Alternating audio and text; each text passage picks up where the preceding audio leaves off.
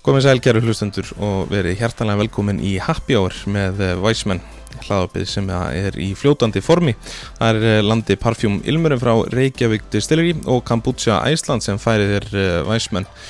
Uh, það er komið að því að halda áfram með séruna sem nefnist í fljótandi formi en í þeim þættum, þáttum fær Weissmann til sín frumkvöðla, framlegendur dreifingaradala eða aðra sem að lifa og hrærast í heimi fljótandi vega minni á fyrir þætti í þessari þátturöð þar sem eh, má meðal annars heyra hvernig súkulæði búið til og hvað í óskofunum er kombucha og hvernig er te framleitt. Þá er ég að sjálfsögða að vísa í þættina með kertan í omnám, Rögnu og Manuel í Kombucha Æsland og Solveigu og andra hjá tefélaginu. Ekki láta þessa þætti framhefðu fara í happy hour. Nú...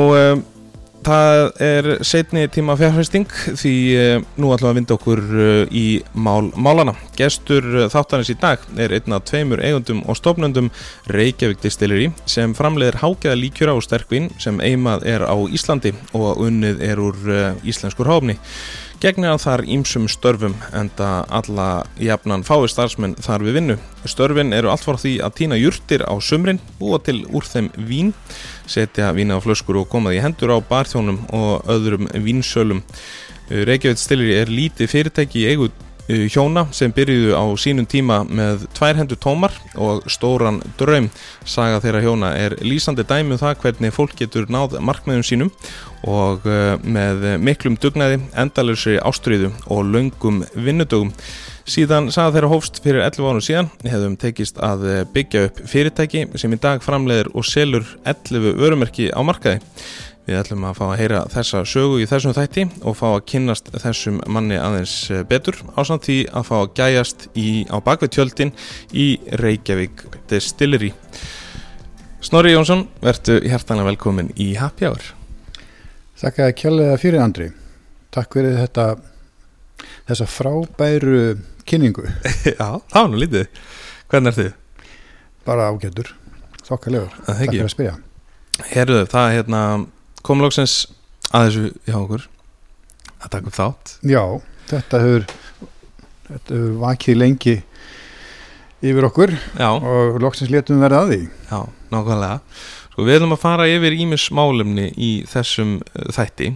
Um, sögu Reykjavík distillir í vissulega fara yfir uh, vörðnar sem þið framleiðið og annað sem snýst um vegar í fljótandi formi, sjálfsögðu eins og er nafnið á þessari serju Uh, mér langar hins vegar að uh, lefa hlustundum aðeins að kynnast þér uh, betur því að þú ert frábæn áhengi Þakka þér fyrir. Ég veit ekki hvort að ég sé alltaf sammálað því sjálfur. Það er alltaf margir aðri sem er sammálaði ég get votta það. En þá ætlum ég að spyrja þig þetta munið að vera að spyrja þessi spurning Hver er Snorri Jónsson? Já það er stórtið spurt sko. Snorri Jónsson, það ég. Já. Fyrst og fremst. Um nörd úr Mosilsbænum sem já, sleit sínum barskóm og úlingsskóm þar. Um, hef alltaf verið frekar forvitin um það sem er í kringum mig.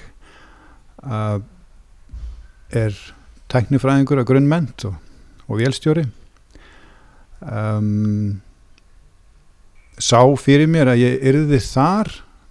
Já, í vélunum Já, í vélum og, og, og tækjum og tæknibúnaði. En örlegin þau geta gripið í taumana og snúið oft uh, hlutum á allt annan veg heldur en maður reiknaði með og, og hér erum við í dag. Já, sko einmitt það sem þú segir þá ertu náttúrulega svolítið að vísa í, í áfengisframleiðslu. Jú, mikið rétt. Hvað, hérna, segð mér aðeins frá svona hvena byrjar svona áhugin á, á þessu fyrirbæri að, að, að kveikna áhugin hann var lengi til staðar byrjaði mjög snemma uh, semst á, á prósessnum að búa til áfengi. Um, við sko ég er, ég er að þeirri kynnslóð að uh, bjór var ekki leiður þegar ég var, var úlingur og, og gekk í mentaskóla uh, hann varð vísu leiður á þeim árum þannig að maður sá þessa, þessa skrýtnu breytingar sem að, sem að, og ótrúlegu breytingar sem að, sem að urðuðu þar. Um, en áður laungu áður en hann var löglegur þá vorum við félagarnir fannir að gera tilrunni með eigin brugg. Og uh, við vorum náttúrulega enga veginn konu með aldur til þess að, fá að stunda þessa eðju og, og, og ja, öll heldur að neyta afurðuna maður. já, já Um, þá var trendið að uh,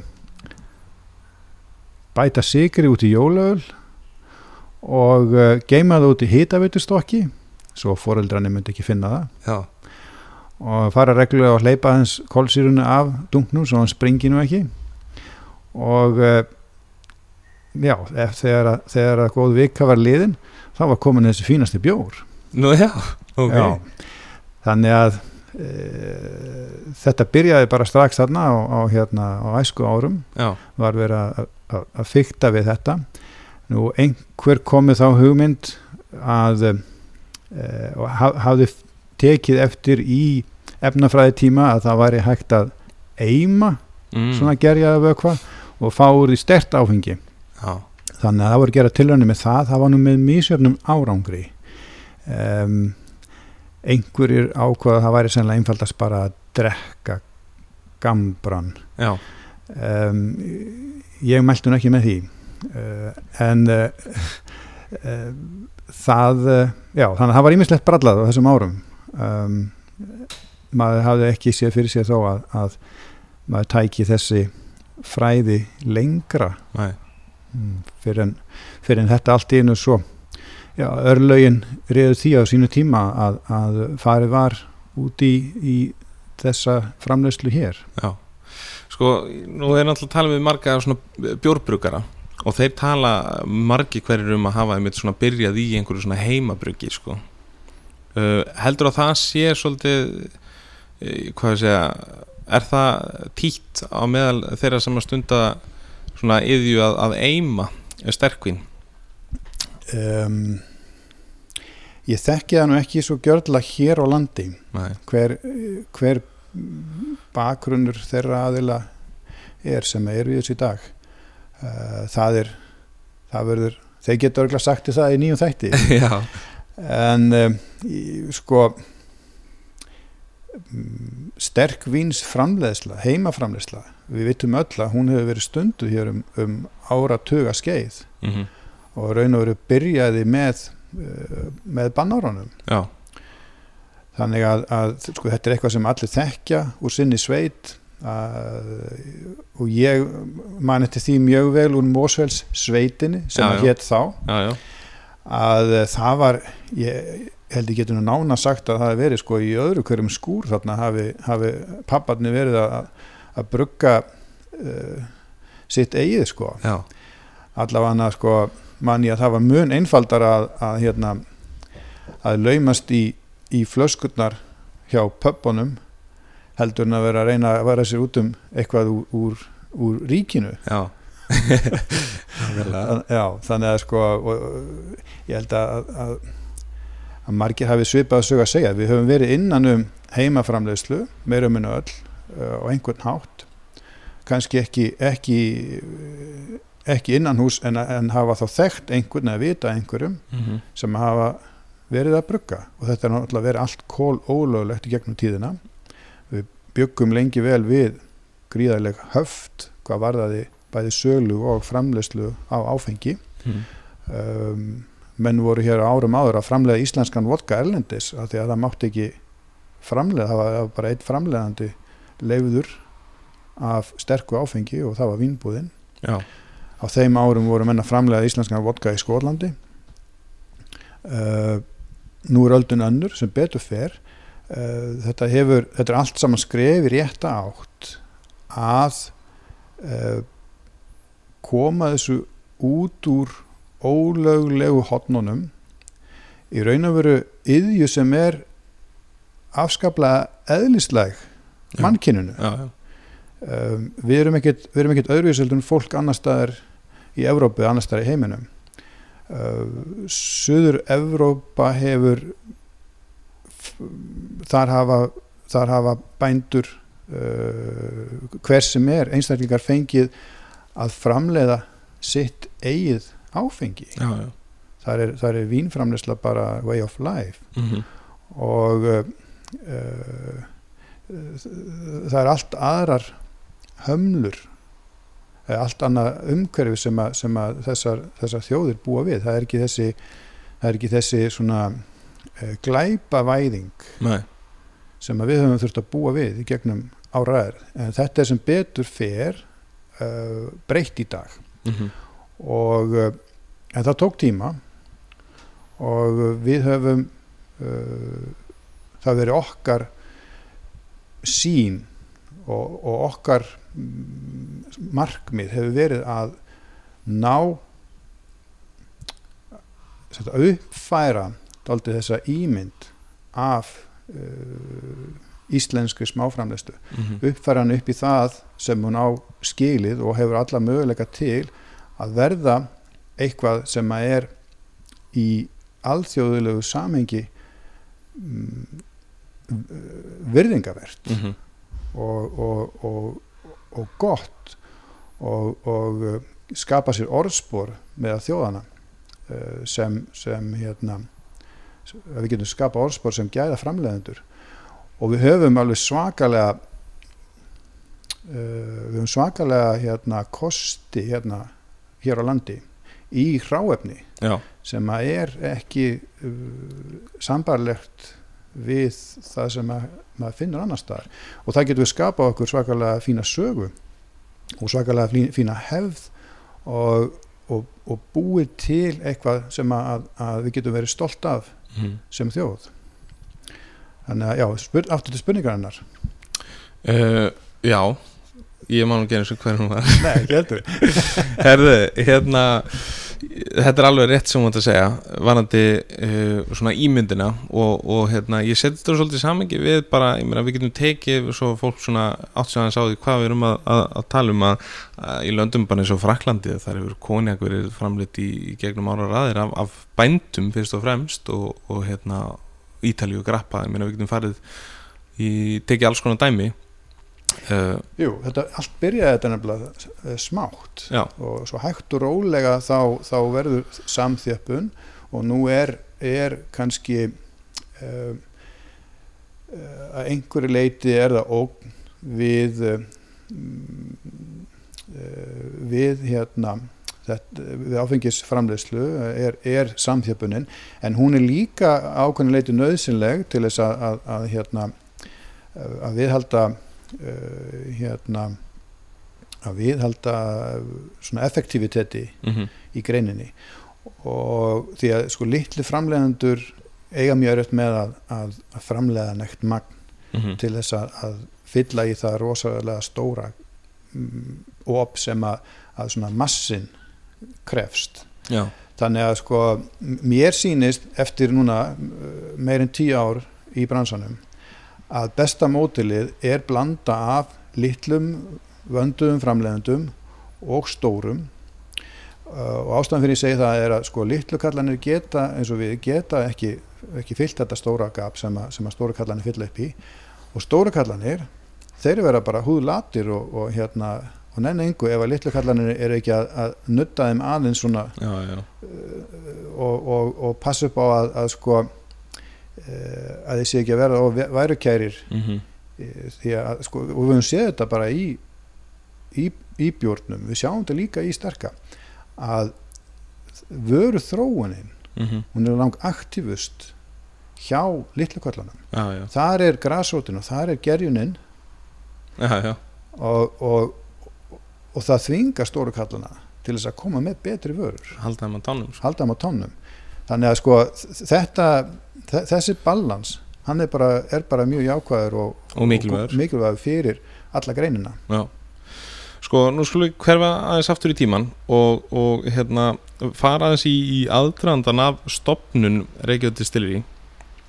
Uh, eins og ég sagði í intrónu þá, þá eru þau tvö í þessu. Júdit konaðin er, er líka með þér. Mikið rétt. Uh, hvernig svona vaknaði hugmyndin af þessu bara, að þetta væri sniðugt Júdit hún átti upphæðlegu spurninguna. Já. og hún var mjög einföld. Hvar fær maður þessi íslensku ber? Já, ok. Já, það var upphæðlega spurningin. Og uh, og ég sagði hana, hva, hvað áttu við? Uh, farðu bara út og týndu þau. Já, já en þú veist, er ekki eitthvað er ekki eitthvað svona veist, er þetta ekki svona seasonvara er þetta ekki vara sem að hérna, þú veist, er í bóði í öllum súpumörkuðum og allstaðar á hérna, þú veist, nú er seasonið hvað hvað er þetta núna? Ég, bara í fristikistum og út á rjóma á borðum heima sem að fólk er búið að týna sjálft. Já, come on, þetta er eitthvað stað þú veist, er enginn að selja þetta, jú, vimberið já, ok. Og hvað? Já. Það er kannski gott að koma því inn að, að, Judith er náttúrulega frá Þýskalandi. Jú, akkurat. Hún hefur komið með mjög sko, oft glögtir gest augað. Mm -hmm. og þetta er náttúrulega bara basic spurning sko. Og uh, en sko fyrir okkur einhvern veginn þú veist þetta er bara alltaf verið svona þetta er alltaf verið þarna, berin eru þarna. Við förum bara í berjamó, sama Já. fjölskyldan. Og uh, við setjum kannski eitthvað smá í fristinn við gerum eitthvað smá saft og, og svo er það bara þannig. Já. en uh, að taka þetta skrefinu lengra og búa til vöru skapa verðmæti úr þessu annars fáránlega flotta ráafni það var eitthvað sem að mm, hafði verið minna af. Ég skal ekki segja að það hafi ekki verið neitt en það var fyrst og fremst sultur og einhver hafi verið að búa til saft. Já, en uh, þú veist eitt fyrirtæki ég hef búið til saft á þessum árum um, nokkrir nokkrir sultugerðamenn örfáir. Já, uh, kannski tveir, þrýr sko. Og allt náttúrulega í mjög litlu magni. Um, þannig að sko uh, þá fórum við gegnum djúpar pælingar með það. Hvað, hvað er hvað er hægt að framleiða úr íslensku berjónum sem að er frambærilegt og gott? Um, hefur möguleikan á að skapa verðmæti uh, og það sé hægt að byggja um verði sem þarf því að þetta er gríðlega dýrt tráefni uh, og þá rifjust upp gömlu gerjuna taktanir já, nokkuð úr, úr Mosilbænum í Galanda og sjálfur vildi ég gera bláberja snaps já, en Judith sagði að líklega væri líkjör betri nýting á þessu, þessu dýrarháafni og úr varð að, að líkjör var fyrsta varan sem við, við þróum og eftir talsverð mikla uh, vinnu þar bæði innihaldi og útliti að uh, þá kom hún á markaðin fyrst uh, sumari 2010 já, það, já,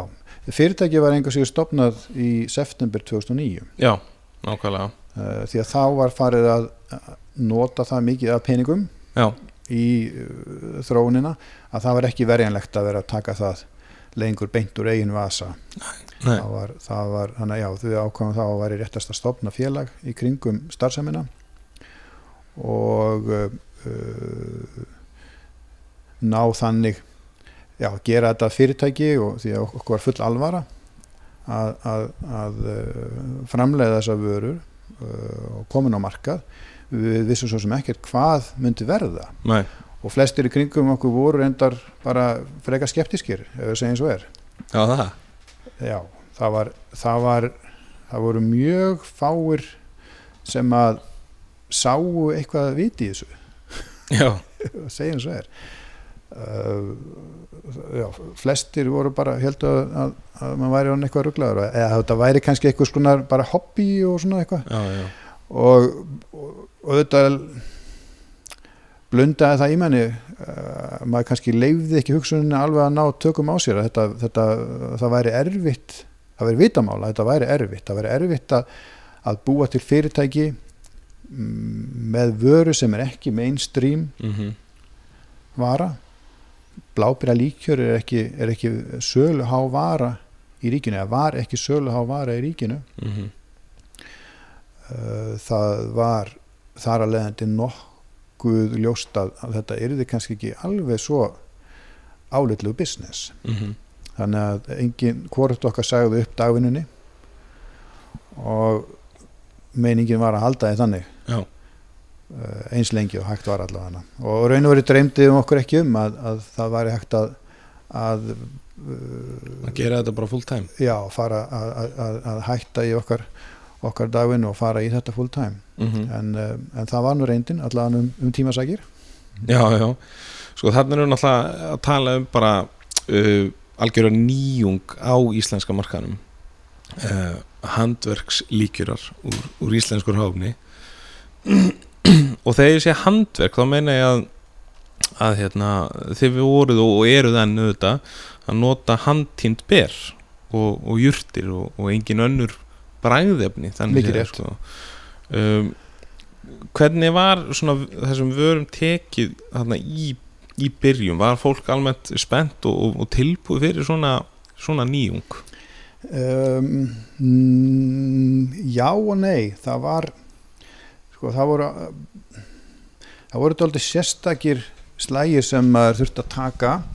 Uh, enginn þeirra var neitt, neitt um, kannski mjög svona mjög súr eða, eða, eða, hérna, eða erfiður. En eh, sko mér er sérstaklega minnistætt og það var hjá einum uh, mikilvægum söluaðila. Uh, þar kom svo spurning þegar að við, við presentuðum vöruna og, og, og hérna hann fór að reikna og sagði sko, elsku kalli minn þetta er nú bara þetta er bara lítraverð á við konjak Já, og, eh, og, þá, hann var að meina náttúrulega að, að þetta væri frekar dýrt. En mér fannst það hins vegar alveg akkurat öfugt farið að það væri bara nokkuð vel sloppið. Mm að ná að framleiða þessa vöru í minni einingu -hmm. alltaf dýrar í minni einingum sjálfsög og halda þó lítraverðinu á við konjak því að, að sko, konjak er unnið úr greip vínþrúum Mm -hmm. sem að kosta kannski 50 cent kílóið um, við erum með uppustöðuna íslensk bláber sem kosta 1250 til 1500 krónur kílóið. Já, þannig að sko og, og varan unnin á Íslandi í litlu magni sko. Þú veist, við erum ekki þekkt fyrir það að vera ódýrastaland í heimi. Nei, nei. Uh, aðfeng þurfti að vera flutt inn semst gler og, og, og hérna uh, tappar og slíkt. Þannig að uh, við töldum að vera velsloppið enda, enda vissum við að við vorum svo sem með lægri framlegð á hverja flösku en það kom ekki að sög því að það er engin yfirbygging á Mhm. þessu fyrirtæki þannig að, að við töldum okkur vera að bjóða vöru sem að var með að við gæði hennar að þá væri hún á afskaplega góðu verði. Já, uh, jú úrvarða að hérna þá var ákveðið að prófa. Mm og frá degi eitt þá voru gríðarlega góða móttökur á blábreylíkjörnum sko við erum að munna þetta er 2010 Já. þá eru þá, þá voru 400 og eitthvað þúsund túristar. Já, já þannig að það var, það var, það var bara eitt eða sko nára allt einum fymta því sem var þegar mest var. Já, þannig að það var, það var aldrei annað umhverfi en það var heldur engin samkemni nei. Uh, þannig að já, nú er öldun önnur. Um, við seldum á þeim tíma meira af blábjörlíkjör heldur en við gerum í dag. Já. þannig að já, þetta var alveg uh, major success mm þessi var að sló algjörlega í gegn um, það voru bæði Íslendingar og útlendingar sem Mhm. keftu þetta nánast til helminga 50-50 alveg á, á, á þeim tíma en svo hefur eftir því sem, sem erlendu ferðamennum fjölgaði þá hafa þeir náttúrulega orðið uh, stærri kaupendahópur Já. uh, Íslendingarna hafa keft þetta mikið en gríðarlega mikið í gjafir -hmm. Og það heyrir maður að því að margir hafa keift og gefið Já. og margir hafa fengið en ennþann dag í dag eru fáir eh, það er alltaf einn og einn enn að koma sem hefur ekki smakkað á svona flösku en hefur ekki smakkað hana Já, þannig að eh, það hefur eins og við nefndum á þann þetta er ekki mainstream kategória þetta er Mhm. ekki þetta er ekki vara sem er svona alveg hefðbundin eins og bjór og léttvín og mm Uh, og þar að leiðandi getur þurft að hjálpa fólki aðeins við að, að, að uh, komast að stað með að, að nota hana. Algjörlega. Sko þetta ráfni blábir hafa þetta langa sögu í, í matarhefðum íslendinga. Og þá dettur mann nú strax í hug eins og við nefndum á hann skýr og, og skýr blábir og rjómi sko. uh, en fyrir svona þá sem að ekki það vita uh, hvað, hvað er líkjur hvernig útskýrum að líkjur á bestan hátt það sé ekki best að nota bara Evrópu uh, reglugerðina. Já, Já, það þarf að vera ákveðin magna af síkri uh, það þarf að vera uh, áfengisprósentan, hún er aldrei sveigjanleg, það má ekki vera minna en 16% minni mig. Og hún getur farið alveg upp úr öllu valdi en þó ekki yfir 100% já, um, Sikur magnið þarf að vera ákveðið og svo þarf að vera einhvers konar bræðgjafi mhm. Og það getur verið allavega hana mhm, algengast í, í svona í, yðnaðinum er að, að nota tilbúin bræðefni mhm, og, og litarefni. Það er svona um, það er stabíla og það er það er þægilegri í aðferði í, í hérna í svona það kemur að prósessum en uh, það er ekki svo aðferð sem við höfum nei, vilja beita enda, enda erum við ekki að heimavelli þar. Það er ekki veist, við erum að framleiða lítið magn úr gæðarháafni mhm, og það er þar sem við finnum okkar hotn á markaðanum uh, þannig að, að uh, já, en sko sagt, líkjör er í grunninn þetta. Það er, það er ákveðið sigurmagn um, minimum 16% áfengistyrkur og svo einhver bræðkjafi mhm. Uh, sko ef við stöldrum aðeins við, við þennan líkjör uh, bláberja, hann er 21% mikið rétt. Uh, sko líkjör að geta verið alls konar, þú nefndir ja, kannski ekki 100% en, ekki yfir 100% sem ekki er vist en hérna mikið af svona ef maður segja svona old school líkjörum bara eins og Grand Marinier og, og Chartreuse og eitthvað svona, þar eru við að tala um miklu herri áfengispróstu jú, jú, há rétt. Er hérna uh, svona líkjur eins og, eins og þið eru að framlega uh, njóta þessi sem best telur í þessari prósentur svona 21% eða hlutir Já, við fórum í gegnum ymsar uh, tilraunum með áfengi styrk, með sigurmagn um, það leist okkur uh, það, já, það kom best út 21% mm -hmm. um, að því að þetta eru þetta eru berjalíkjurar og þetta eru, þetta eru þessi það er engöngu náttúruleg íslensk bláber Mm -hmm. Það er ekkert auka bræðefni til þess að aðeins að, að bústa upp eða, eða svona uh, styrkja aðeins svona bræðprofílin uh, ef að uh, eins og, eins og til dæmis þess- þessir hérna þessi frönsku uh, triple sect líkjörar þar eru menn með sítrus Mhm. sem er svona aðeins aggressívari sko uh, bragði af blábyrjónum samanbúru við sítrus er mun svona mm, það er svona veikara Mhm. í eðli sínu þannig að ef maður færi hærri áfengi að þá myndum maður tapa uh, á móti uh, bláberja Bræðinu Já. og uh, já, við kusum frekar að færa okkur aðeins svona frekar niður í sigri uh, heldur en að fara, fara uh, upp í áfengistyrk Mhm. og við töl, töldum okkur finna hana góðan balans þar sem að, að hann væri þar sem að, ma ma maður geti svona brúa bíli á milli þess að hann sé ekki of væmin einn og sér með kaffinu Mhm. uh, og að hann væri mm, góður sem íblöndun í koktela líka Mhm.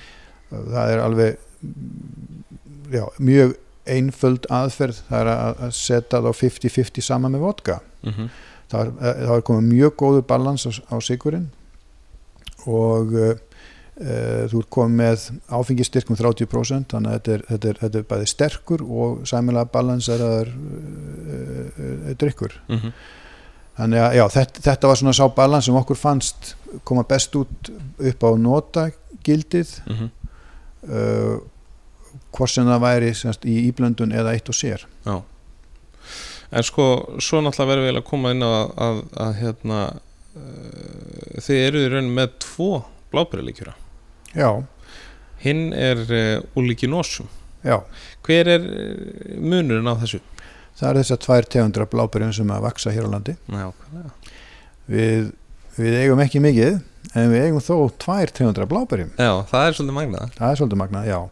Og raun og veru sko það sem að uh, þessi, þessi venjulegu bláber sem við kallum bara bláber svona í okkar, okkar daglega tali það er raun og veru sjálfgæfari ber sko, svona á heimsvísu. Já, Það er, það er að finna afbreyði af aðarblábyrjum sem eru svona keimlík, ekki eins en keimlík. já, En að finna þessi, þessi, þessi venjulega blábur eða úlíku nósum á markaði, það getur verið, þá er ég að tala um sko um að, um að skoða á markaði út í heimi, já ekki hérna heima í Íslandi. mm Þannig að bara til að setja í samhengi sko að það sem er, það sem er uh, normal hérna hjá okkur er alls ekkert normal þegar komið eru út í heim. Nei, nei, Um, þó að við höldum það þó við, þó við höldum það og, og, og sko eins og við nefndum á hann með gestaugað sko að uh, það þarf oft, það er mjög holdt að líta í kringu sig til þess að átta sig á hvað maður hefur mm og, og þarna eigum við bæði byrjun eru náttúrulega alveg frábær -hmm. en uh, persónulega þá, þá þykir mér úlíku nósum afbreyðið vera svona áhugaverðara Mhm. Um, í, í bæði bræðprofíl og þegar kemur að þessu sko, uh, þessu raritetti sko, Mhm. þessu, hversu sjálfgæf þau eru uh, það, það, það væri mjög erfitt fyrir einhvern, einhvern erlendan aðeila að fara að gera nákvæmlega eins því að hann hefur bara ekki aðgengi að þetta þá sækjaðu hingað. Já, já, já Sko, úlíki nósum það eru venjuleg bláber já, og svo eru annars vegar og svo eru hins vegar Svo, svolítið skemmtilegu punktur sem vorum að ræða um, að það varandi litin á berinu, hann er mismunandi þess að litin, litin á safanum er mismunandi. Já mikið rétt. Uh, ef maður er í vafa hvaða ber maður er með í höndum þá er best að bara kreista þau Já, og beri sem er rauta innan sem er, er með rauðan safa Já. það er aðalbláber og beri sem er með ljósan safa eða svona, ná, svona glæran safa Já. það er þá bláber. Það er þá bláber úlíki nósum já, magnað uh, Hvað hérna hvernig þykir þér persónulega best að nota uh, þessar bláberja líkjura? e, mér finnst þér afskaplega góði með kaffinu. Já, e, það breytilegt eftir ég myndi velja úlíku nósum fyrir sjálf mig með kaffinu ef hann ætti að vera þannig einn og sér. Mm, þeir eru afskaplega góðir í íblöndun líka. Mm.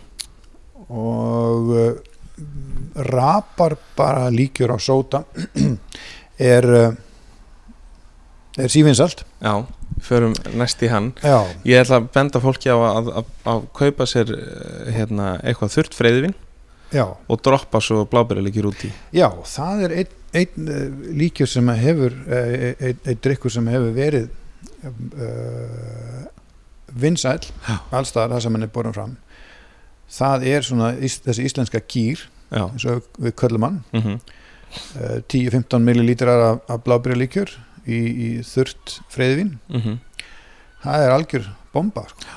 Þá erum við náttúrulega að vísa í Kir Royal sem er mjög þekktur uh, franskur kóttil sem var búin til með, með líkjörðum krem de cassis. Mikið rétt, þar sem að solber eru þeim við skallast ekki. Hárið Er það nokkuð að, á bak með það? ég held ekki langt allan Nei. Uh, En það er heiklust að pröfa það og eins líka gott, gott hérna, input í þetta. Alltaf þegar fólk sér einhverju uppbyggingu á líkju á sagt koktel ef það er líkjur í koktelnum eins og trippulsek eða eitthvað svona að þá er hann bara að pröfa að skipta trippulsekinu út fyrir uh, þessa líkjura sem við erum að, að, fara hérna í gegnum. Já, akkurat. það, er svona ég er búið til ansi mikið að skemmtilegum útgóðum þannig sko, svo ég tala nú fyrir sjálf Herðu uh, við hittum aðeins upp hérna fyrir Rababara, það er einmitt næsti. Þá erum við komin hérna, við vorum hérna í 2010 nú erum við komin í 2011 já, 2011, það er herrans ár. Látum okkur sjá. Þá kemur uh, Rababara líkjörinn í hillur vorið 2011 jú, það er rétt Sko Rababari er svona annar háfn sem hefur sömulegis mikla uh, sögu í matarhefum Íslandika uh, Ég persónulega kalla oft svona glemdarháfnið það er einhvern veginn uh, margir fásulísi gana í þessar vorun, hann vex og blómstrar uh, við sumarið. Svo náttúrulega ef enginn tekur hana þá drefst hann um haustið. Uh, og margir einhvern veginn sem að eru með svona en not ekki svona. Heldur betur um, það myndur þú segja að, að rappabari væri vannýtt ráfni? já, er, hann er vannýtt ráfni hann náttúrulega vex sko gríðarlega Já, og það get, maður getur maður það kannski hafa þessi allan við sko að borða rababaragraut ef maður ætlar að klára allt sem að vex í garðinu sko. já, já. Þetta er líka svolítið skrítið með þetta því að þú veist það er einhvern veginn nánast hægt að, að hérna, bera hann er náttúrulega júrt í gruninni en það er nánast hægt að segja þetta sé ávöxtur. Því hann er svo, þú veist, svona mikið þygt og mikið safi og, og hérna e, þetta er alveg já, svolítið Já. svona einkennlegt tráfni eða svona öðruvís en mörg önnu sem að eru til hérna. Já. Hann er væntanlega skilgreindur sem græmiti eða hann er skilgreindur sem græmiti en uh, er það ekki rétt um mér? Það er júrt sko fær hann ekki að- eins og að vera græmiti það getur verið. Hann er allavega inni í flóru Íslands.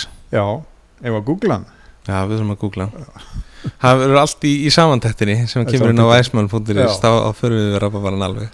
Nákvæmlega, já, ég var allavega alltaf að kalla hann græmiti Já, um, sem er alltaf sérstæð sko, hann er alltaf alveg gallsúr þannig að hann er kannski líka einhverju öðru þar sko, safin úr honum. Já, um, eitt af þessum hráfnum sem að vex og vex og ánvandraða bara, það er eiginlega, uh, það þarf og að lítið. Það þarf kannski smá smá skít öðru hvoru. Já, en annars uh, höfum við ekki lent í því árferði að það sé uppgjöru, uppskjöru brestur á rababara Nei. það hefur bara það hefur aldrei gerst, það hefur verið kannski mismikið en aldrei brestur. Nei. Um, já þetta er uh, þetta, er uh, þetta er alltaf spes. Ég var að tala við kollega minn í Danmörku. Og ekki, ekki lengra burt en það. Og sá er að, er að framleiða áfengi uh, líkjöra líka og, og, og annað. Uh, ég ég átti orð við hann varðandi mm, rababaran já, sem hann var að nota og, og það vöru sem hann var að framleiða. Uh, þar var hann með vöru úr um, rifsberjum og hann var með himber og hann var með alls konar ber. Já. og svo var hann með rababara. Og rababarinn hann var dýrastur. Semst varan Mhm. og rababara var dýrust. Þetta er einn hindber og já, já, ég spyrir hvað af hverju ertu með af hverju, af hverju selur þessa vöru dýrari heldur en hinnar það er að þetta er dýrasta sagðan það er stórfyrirlegt sko. mm. uh, já, það er alveg, alveg grillað. Þannig að ég fór að, að, að reykjórunum gagnina með þetta. Hva, hvaða væri nú að borga fyrir hráefnið? Já, og þá kom í ljós að semst, rababarinn hann var að kosta þarna einhvern sko einhvern 300 kall kílóið. Já, uh, að meðan að berin voru bara í, kringum 100 kall já, uh, kannski 150 krónur og stundum tilfellinu bara, bara neðar sko. Já, þannig að uh, það var mjög áhugavert vegna þess að sko rababarinn þó að hann sé að kosta okkur það sama hér á Íslandi og í Danmörku sama verð þá er rababarinn ódýrasta hráfni sem við erum að vinna með já. En það var langt um dýrasta hráfni sem þeir eru með í, í fyndið. Þannig að sko en, en veist, þetta endur speklar líka daldið sko uh, ótrúlega marga hluti. Þetta endur speklar sko, hvað við erum að fást við í, í innfluttu hráefni. Mm -hmm. Við getum aldrei keft í verðum. Nei, það er alveg klart mál. Uh, hins vegar getum við keft í eða sko, við getum ekki, ekki keft í framleyslu kostnaði mm við getum alveg kannski alveg keft í verðum já, en ekki framleyslu kostnaði og við þú veist, þetta hráefni sem við höfum hérna á Íslandi sem er svona gott og fólk er, er tilbúið að borga uh, verðið sem við þurfum mm. sem er mjög sangjant verð. Uh, en það er samt enga síður uh, sko, samkeppnishæft við innflutningin Mhm. hér heima á Íslandi. Um, maður getur ekki farið með blábyrjalíkjör og keft við einhvern massframleitan blábyrjalíkjör úr bræðöfnum það er klart mál. Þannig að hérna uh, já, aftur að spurningum með tíndarhafafnið, rababaran já, um, klálega sko, þetta er, þetta er sko í, rababari er álitin mjög fínt ráfafni já, ég ætla að koma hérna inn á smá skemmtilegt sem ég tók upp úr bændablaðinu. Uh, varandi, varandi hérna rababaran, sko heitið rababari er komið úr, úr grísku, rabarbaron. Uh, ra er gamall nafn á fljótinu Volgu sem er lengsta á í Evrópu en barbaron þýðir erlendur, uh, siðlaus eða einfallega barbari mm -hmm. Þannig að rababarinn er því planta hérna óþektu eða, eða villimannana.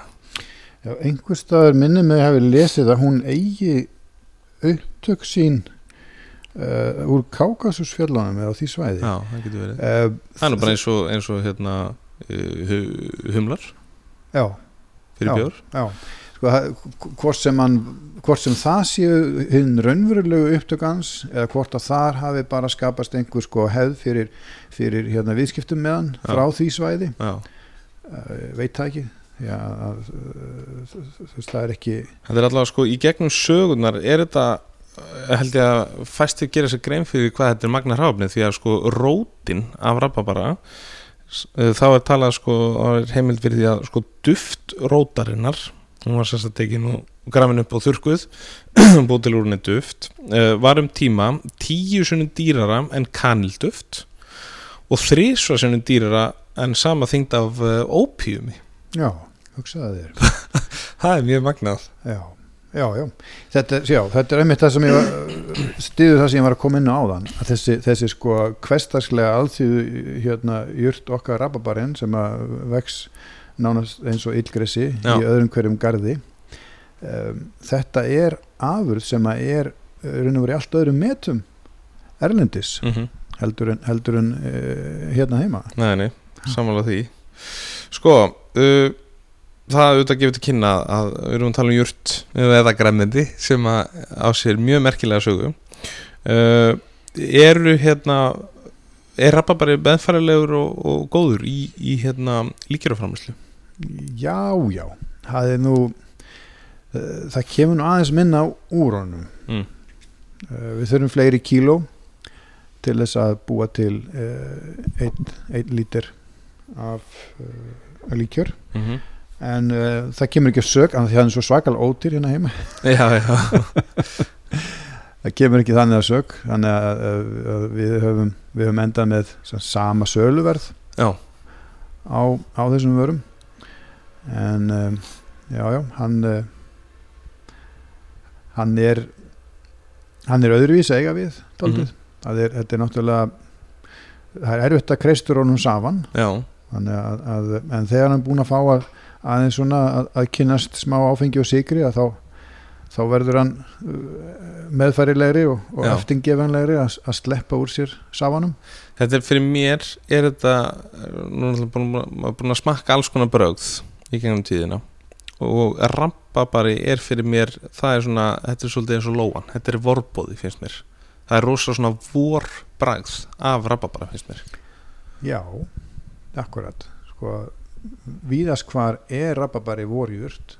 Hún, hún sprettur víða bara í sko, apríl, mæ Já, en hérna er þetta svona mm, 17. júni já, þetta er svona Jónsmessu Já. jurt í okkur sko. Já, já.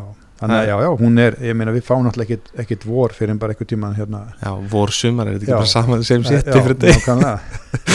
En hvernig, hérna, hvernig þykir þið best að nota rababari líkjörun? hann er hann er svakalega góður einn og sér Já. um, mér finnst hann bestur bara á vodka Já. Þá blandaði ég bara 50-50 vodka og rabarbarlíkjör og svo slæsa ég eh, smá lime chesti um, that's it. Já, þannig að já, þetta er þetta, þessi er svakalega góður sko. já Það eru óteljandi möguleika með þetta. Og sko ég er hún reyndar ekki eins og búin að segja það en ég sagt sendi eh, norður til, til tengda ömmu minnar líkjöra og gaf henni leiðbyrningur um hvernig hún átti að drekka. Og ég sagði henni að hérna að, að setja í raun bara setja bara líkjöra og sóta allt saman. Það er í raun bara nóg Já. fyrir, fyrir fyrir hérna góðan drikk sko. Uh, gott að hafa vel að klaka já, og svona 50-50 sóta og líkjör mm. Um, það mætti alveg vera kannski sko, svona 60% sóti. Mm en uh, við höfum það bara 50% já, nákvæmlega. Klaking gefur eitthvað á sér. Já, já, uh, þetta hefur verið svona okkar go to uppskriftir mm fyrir þá sem að þess, þessar þrjár. Já, annarkvort setur við 50% af vodka og fær Já. sterkan kokteil eða setur 50% af sótavatni mm. og fær svona léttan cider feeling. Mm eða þá dassar þessu út í freyðivin já, nákvæmlega. Uh, sko í raun, já, einmitt. Sótavatnið er náttúrulega snild til þess að kynnast bræðinu bara. Já, þannig að það er allir að prófa það að einhvern tímann þegar þeir eru að experimenta. allavega einu svona æfinni Já, nákvæmlega. Uh, Þessi sko, svo ég tala nú aðeins fyrir, fyrir mína parta, þá hefur þessi líkjur gert svolítið mikið fyrir minn barþjónaferil Þessi líkjur kom mér með uppskrift inn í, í klikkaða bók sem heitir uh, 101 uh, Cocktails from the World's Best Bartenders. Þar sem ég notaði hann í, í rababara margarítu mikið rétt. Já, já, gríðarlega góð. Já, það er alltaf í raun og veru hugsa maður líka okkur hvað var sérstætt með það, búið til rababara margarítu en það var náttúrulega að þetta var í raun og veru bara rababara margarítu út í gegn, þar að segja, sko margaríta er náttúrulega upprúnlega með, með sítrus, með læm, sáa, en það var engin læmsaf í þessari margarítu það var í raun og veru bara síran úr Akkurat. það bara djúsaður rababari það er alveg svolítið svolítið vel öðruvísi sko. Já, að að maður tengir tequila og lime rosalega mikið saman sko. Ekki endilega út af því að, að það var einhverjum snilling sem datt í huga að markasetja það sem eitthvað skot heldur þá fer þetta náttúrulega bara mjög mikið saman sko mm. en í þessu tilfelli var það náttúrulega bara tölvert öðruvísi að, að, hérna, nota þá svona þessa síru sem að maður fær úr, úr rababarunum sko. þarna má segja að sko að söðrið hafi, hafi hitt fyrir uh, norðrið já, og um, búið til afkvæmi Já. sem að var, er hérna er genetical mutant og mun öflura heldur en fyrirverðin hérna algjörlega. leikmaðurinn. Nákvæmlega. Mæli með þau og sumulegist náttúrulega líka að hérna að pröfa uh, þú veist, eins og tökum bara sem dæmi Aperol Spritz eða bara Spritz. Sko, Aperol Spritz er ekkert eini Spritz koktelin, með Spritz er bara sér fjölskyld af, af koktelum Jú. og þú í raun færð sko uh, með því að nota þennan líkjur og freyðvin saman þá færðu alveg einstaklega góða útgáfa af Spritz sko. Já, mæli hygglust með að fólk uh, prófi það. Herðu, sama ár þá kemur uh, annar líkjur sem við ætlum að tala næstum það er krækiberja. Já. Þeir koma í raun og veru á sama tíma og rababara og, og krækiberja. Já, þessi þrýr líkjurar eru hannaðir uh, samtímis. Já, eða svona eða nána samtímis um, þeir, þeir eru byggðir á sömu grunn uppskriftinni og uh, hafa uh, hafa þannig sko þe- það er svona skemmtileg skískotun sko í þessa þrjábræður já, sem að uh, það er semst aðalblábyrinn, krækibyrinn og rababarinn sem eru með þessa skemmtilegu sko grafík framan á, það sem eru þreisa sinnum þrýr stafir. Já. Uh, þetta eru þrýr bræður já, sem eru allir búinir til úr þremur grunnhráfnum áfengi, sigur og svo ber, grækiber, bláber eða rababari mm. um, og, og var semst, það var konsept sem var þróað allt semst, í, í, í hérna á sama tíma. Mm það var hins vegar ekki víst hvort að þeim yrðir lánsa, það kom bara í ljós uh, átt að koma bara í ljós hvernig gekk með blábræðlíkjörun Já, og finnst að það gekk svona vel með hann og þá var ákveðið að, að, að kýla hina tvo í gegn. Já, og uh, eins og þú sagðir þá komu þeir hérna á, á vormánuðum í, í Vestlandir 2011 já. Og eru í raun og veru um, sko sko krækiber er náttúrulega gríðarlega sérstök. Já, þarna þetta, þetta er ber sem að, að, að það vex víða. Þau elska kulda. Það elskar kulda, það vex víða svo lengi sem það er eitthvað staðar hérna í kringum 60. breytagröð.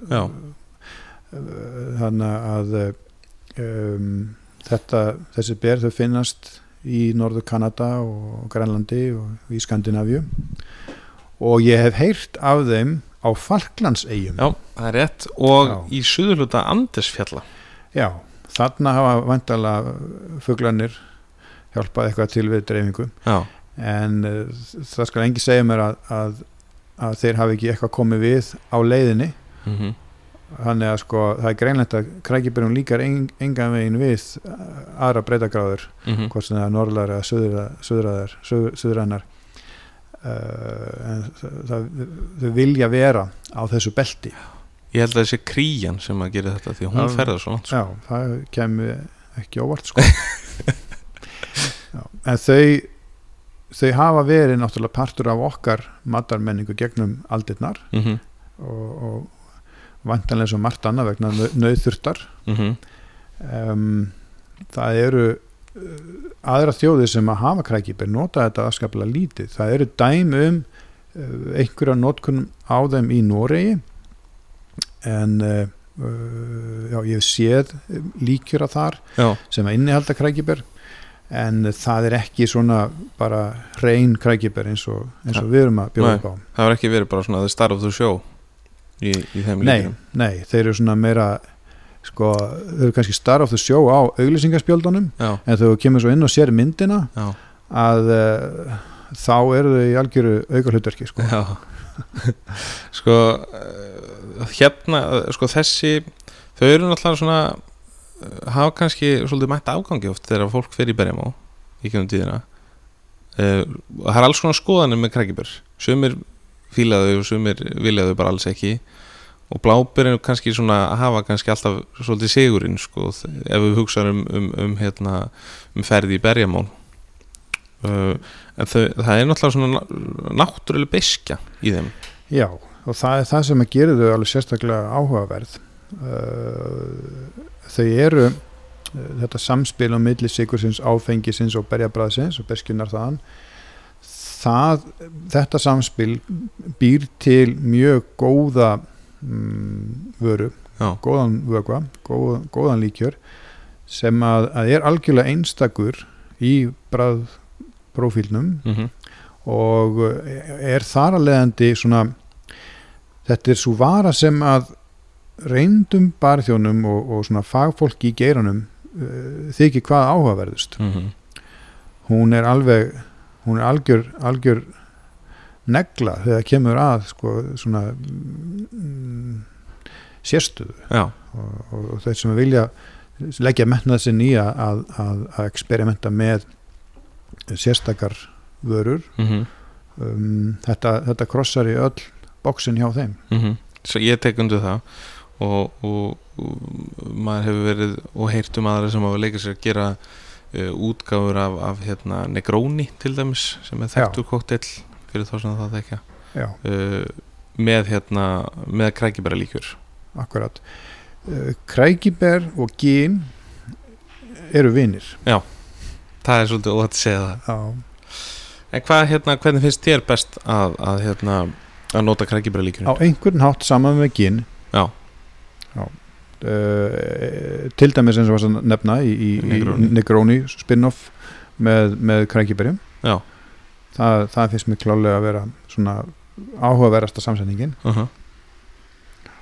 nákvæmlega. Herru, þá ætlum við að hækka okkur í áfengispróstu Já, það er alltaf áhugavert. Já, nú erum við að, að hérna, fara í, í sterkvinnið. Uh, Haust 2011 þá kemur uh, vara sem að heitir Einiberja og er fyrsta íslenska genið eimað á Íslandi. Já e, Þessi vara var um, svona þetta vara sem var búin að, að blunda lengi í mínum kolli um, við eh, eins og ég nefndi byrjun að þá, þá var hugmyndin að gera annarkvæmt bláberja snaps, brendan eimaðan snaps og bláberjum eða bláberja líkjör og líkjörnum varði ofan á. Uh, þetta hefur verið aldrei svona mín ástriða hefur leiðið aldrei í sterka Já, áfenginu já.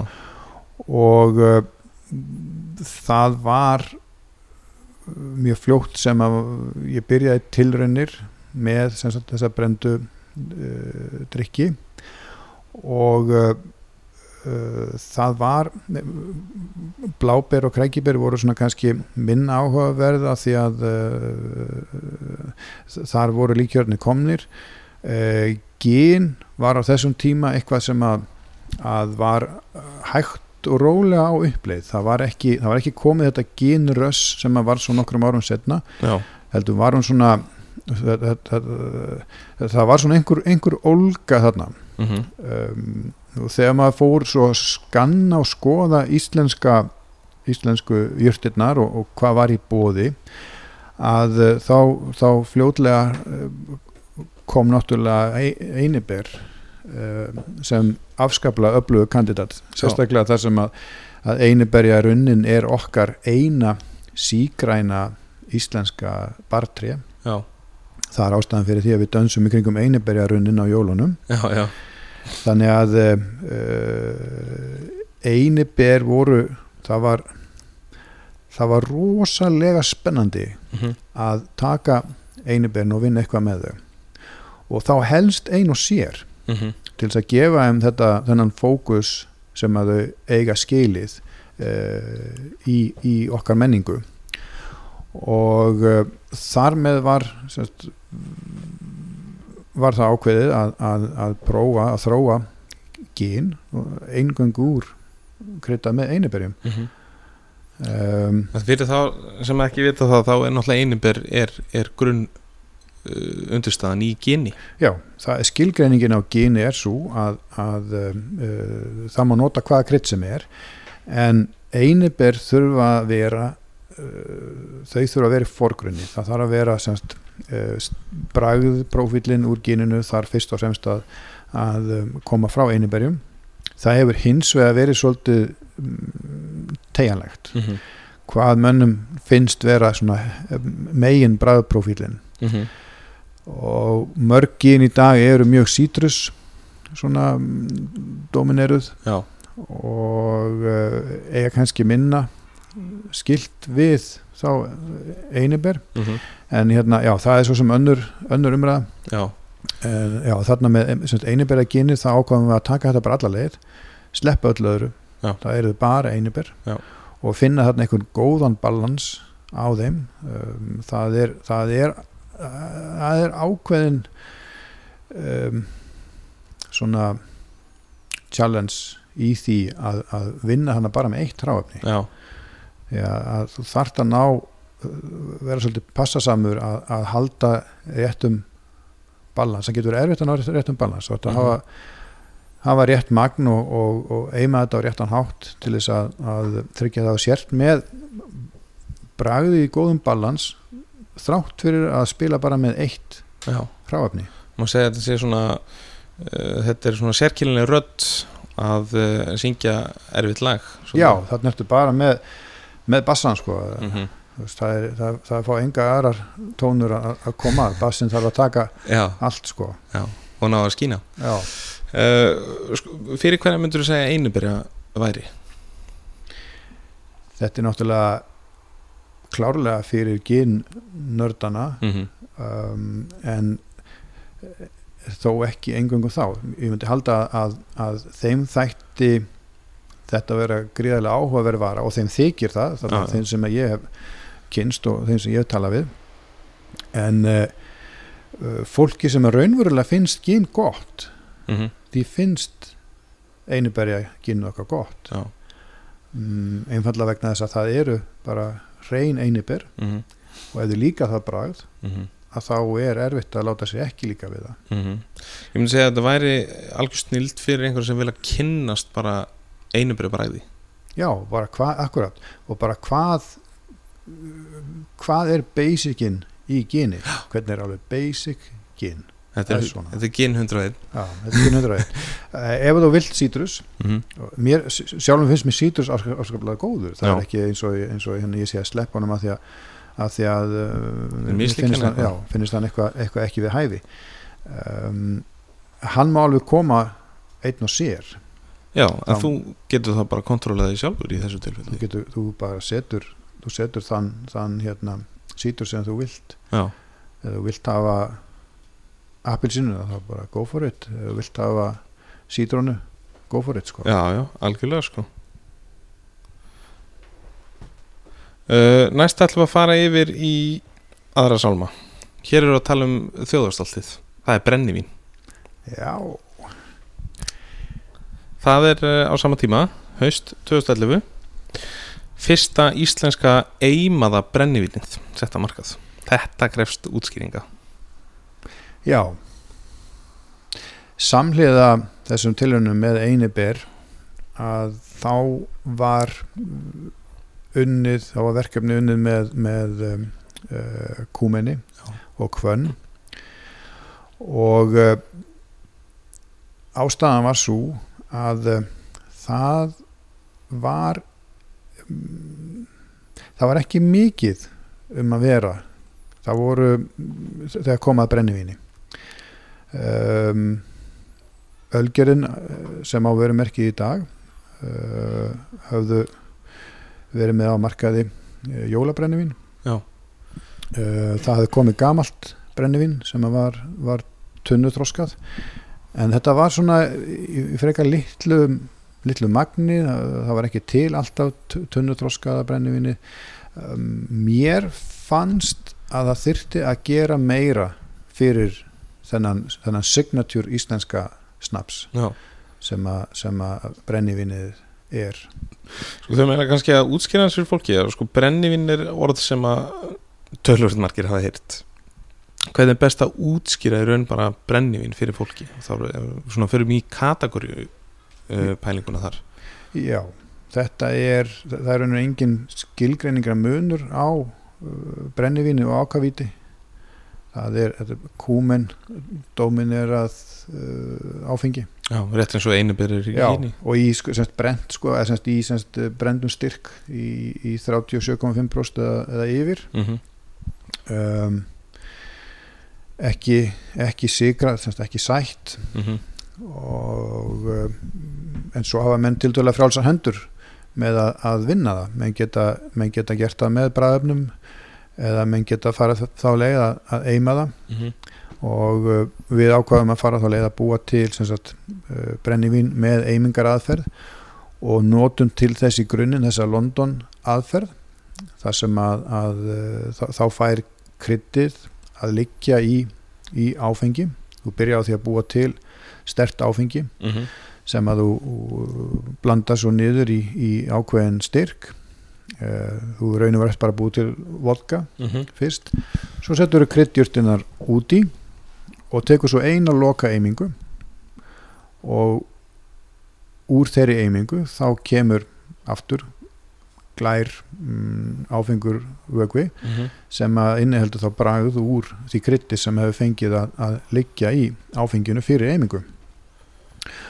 Og þetta er svona svo aðferð sem er í dag allana viðkjönt sem svona mm, þessi mesta gæða aðferð, þessi besta aðferð við að, að, að búa til um, Flavored spirit já, já, segja.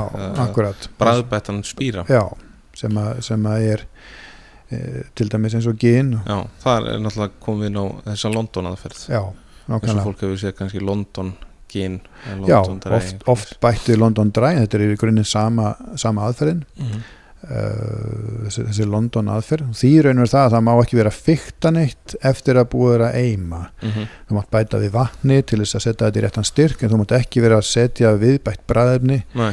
eða sigur eða, eða, eða neitt svona, svona fykt eftir á Mhm. og við ákveðum að taka semst þessa London aðferð og beit henni við uh, brennivinsframleyslu uh, í grunninn en svo ákveðum við að vísu að hérna að, að fara svo aðeins út fyrir uh, London aðferðina. Já, og uh, því að, að sko, við, það var mikilvægt að fá sterkan og heilan bræðprofíl af kúmenni, Mhm. náttúrulegan. Já, og uh, við prófum að nota semst, meira og meira kúmen. Og uh, þá fór maður að fá daldið svona já, svona yfirdrifna nótur og of mikið kúmen en samt einhvern veginn svona úr balans. En svo komast það að því að ef við tókum sem sagt svo kallað, eins og kallað á, á, á, á engilsaksnesku uh, post-infusion Mhm. uh, svona, svona eftir uh, hérna um, hvaða orðið ég var að nota fyrir infusion Ég að er búin að reyna að finna það. Já, það er svo leiðilt að þurfa að sletta alltaf sko. Já, já, en þetta snýst í raun um að, að láta hráfni líka í, í áfengi og draga, láta Já. áfengi draga sér bara já, stundum kalla tepoka aðferðin Já, þannig að við kallum bara tepoka aðferðina já, þannig að uh, já, semst, í grunni nota þessa London aðferð en svo þegar búið var að, að, að eima að taka þá nýtt krydd og uh, með tepoka aðferðinni leifa því að liggja í, í uh, eimaða brennivinnu í nokkra klukkutíma. Já.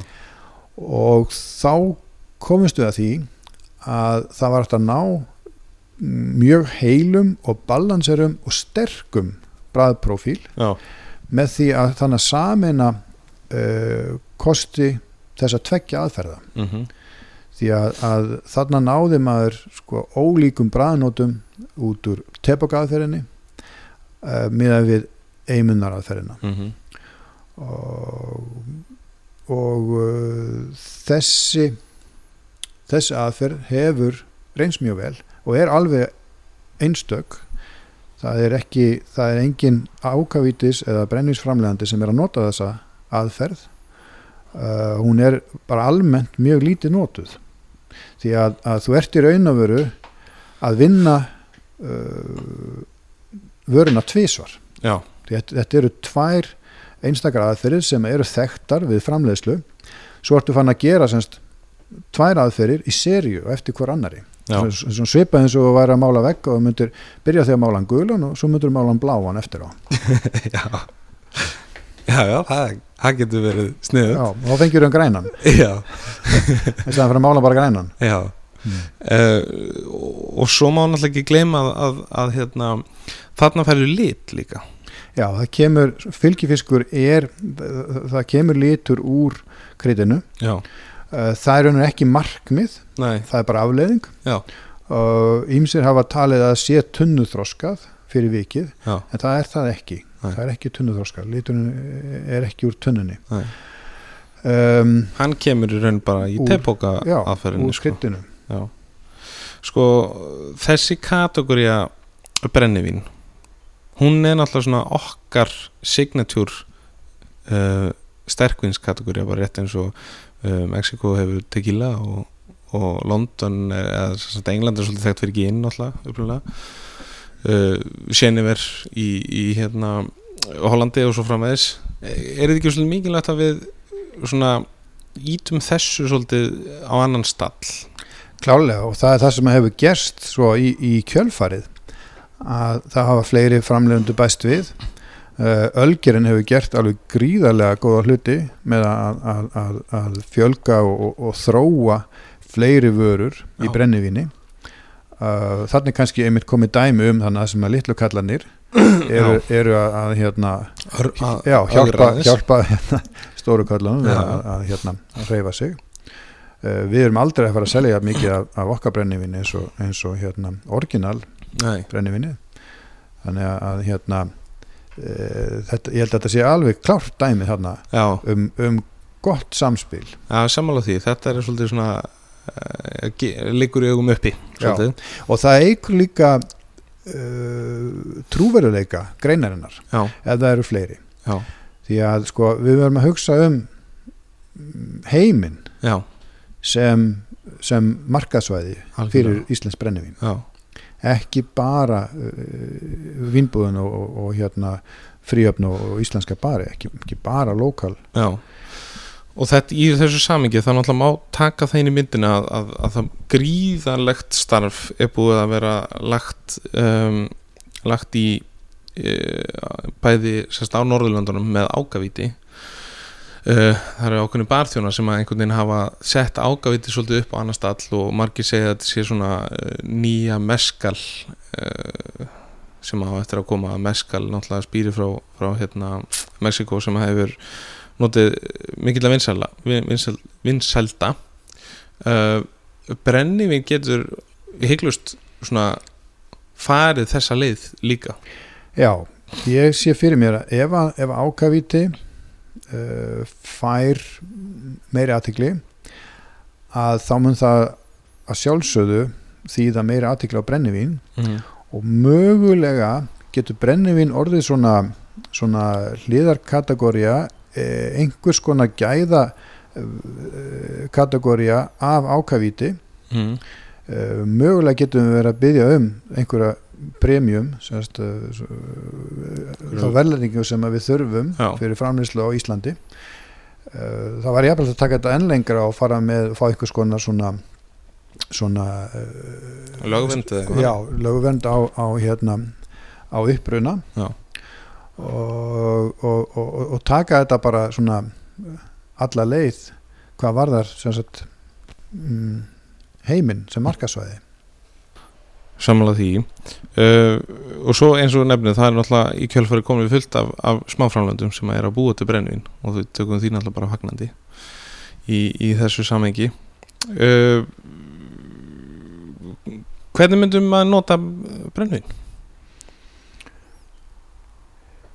Í Skandinavíu, eh, í, í Danmörku er náttúrulega hefð fyrir uh, pörun Já. á mat Já. og ákavíti Já. uh, það, má, það má nota það eins. Mhm. það, er, það, það er mjög, mjög unik, það er mjög sérstakt þessi pörun á smörubröðinu og, hérna, og ákavítinu þá við. Já, það sem, sem að síldin á að synda tvisvar sko, fyrst í sjó og svo í ákavíti já, Uh, þetta, er, þetta er skemmtileg hefð og gæti alveg átt upp á pallborðið eða á alveg örugla upp á pallborðið um, erlendis. Já, sérstaklega með auknum áhuga á norrænni matarhefð og, og norrænum lífstíl já, já.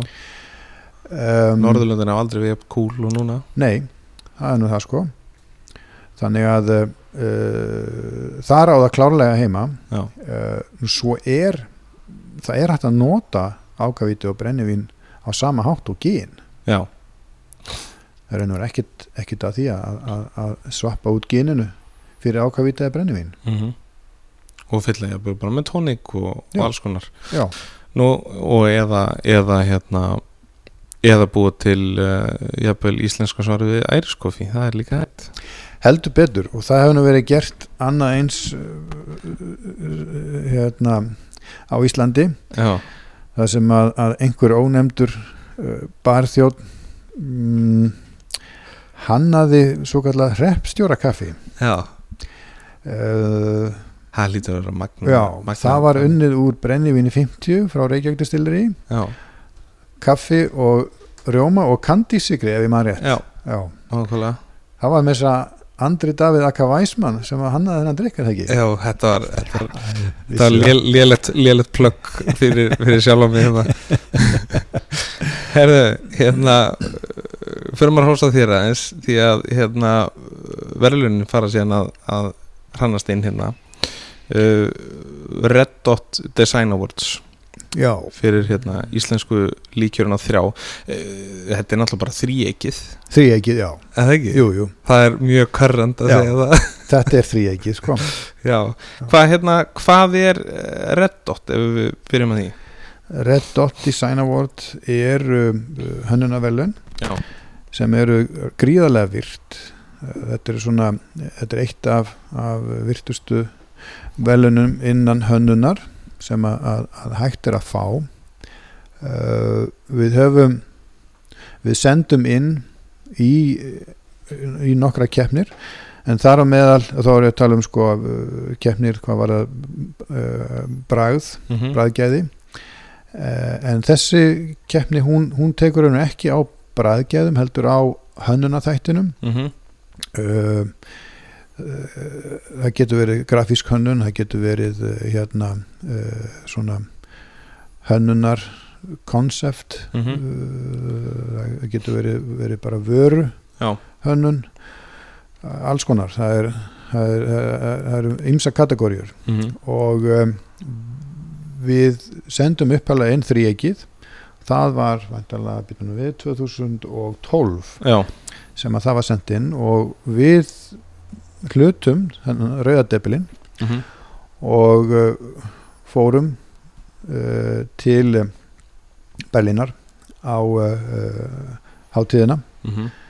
og vorum þar með sko framleiðendum eins og Benz og, og BMF og Samsung og, Já, og ok þetta er, þetta er uh, sko velunin eru á því lefili að það er unir ekkert fyrirtæki í heiminum sem að hlýtur rauðu, rauðadebilinn uh, þau fyrirtæki þau virða það þau, uh, þau mæta og þau, þau sína það, þau tala um það mm -hmm. uh, það er ekkert fyrirtæki yfir það hafið að hérna að vera ekki stolt að því að hljó- hlauta uh, hérna rauðadebilinn Mm -hmm. Þannig að já, við, við fengum þetta þá en það er svo sem kannski uh, það var það var gott fyrir okkur sjálf að fá staðfestingu á því að, að það séu fleiri samanlega að, að við séum að réttri leið. Um, við, þetta fór svo sem ekkert mjög hátt í fjölumilum á þeim tíma.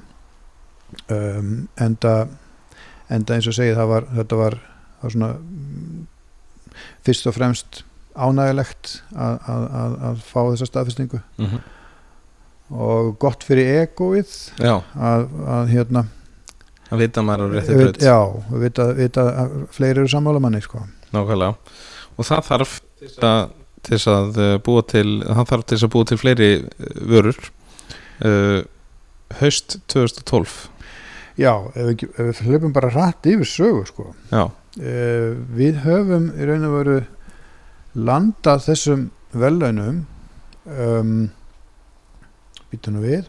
Fjórum sinnum. Já,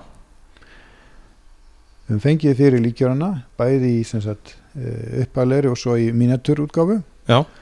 uh, Katla vodkin okkar og Einiberja ginnið mm -hmm. hafa öll fengið þessi hönnunarvelun og það er raun og veru ótrúlegur árangur Mhm. svo ekki sem meira sagt sko.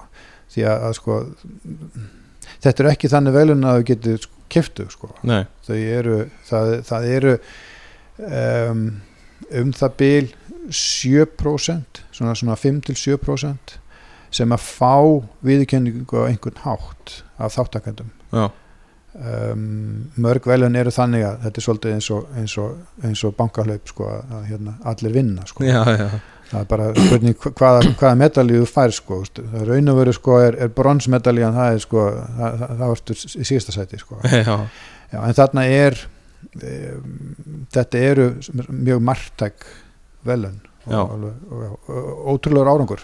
Já mjög, ég, þetta er náttúrulega bara klálega eitthvað sem að, sem að þið að vera mjög, mjög stolt af.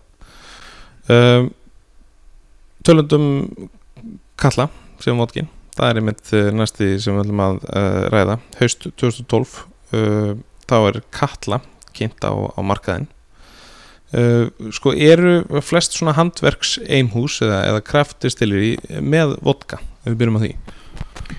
Nei, alls ekki öll. Um, sko vodki er mm, þetta er daldið beskategória fyrir svona, svona smá Já, að ef þú ætlar að vinna hann frá grunni þá þarftu að vera með aðgang að einhverju uh, sterkjuríku eða siguríku ráefni mm uh, kartublum eða, eða korni. Og uh, það, það krefst svona um, aðeins annars uppsetningar heldur en uh, að, framleiða uh, gin eða líkjöra. Því að, að uh, þú þart að hafa raun og veru um, upplugan eimingabúnað til þess að marg eima uh, það sem verður að vinna til þess að ná hreinleikanum. Mm -hmm. þar að leiðandi hefur sko hér á Íslandi erum við ekki með mikið að kortni, við erum með daldið að kortni það er gríðarlega lélegt korn til áfengiskerðar mm. því litunum til að það skilar litlum sigri af sér Já. það sést í hverju kílói er, er lítið af sigri og þar er leiðandi lítið af áfengi mm -hmm. þannig að það er gríðarlega dýrt að framlega það og uh, þar að leiðandi hafa menn ekki verið að framlega íslenskan vodka úr íslensku kortni mm -hmm. Heldur hafa flutt inn grunnspýra og svo í sumum tilfellum endur eimann og í öðrum tilfellum ekki. Já. þannig að og það er einhvern veginn það sem að, að kannski reyka riðun og vaði hérna sínum tíma. Eh, þeir fóru í það að flytja inn spýra og endur eimann upp í Borganesi og, og, uh, og tappa hann svo á flöskur þar.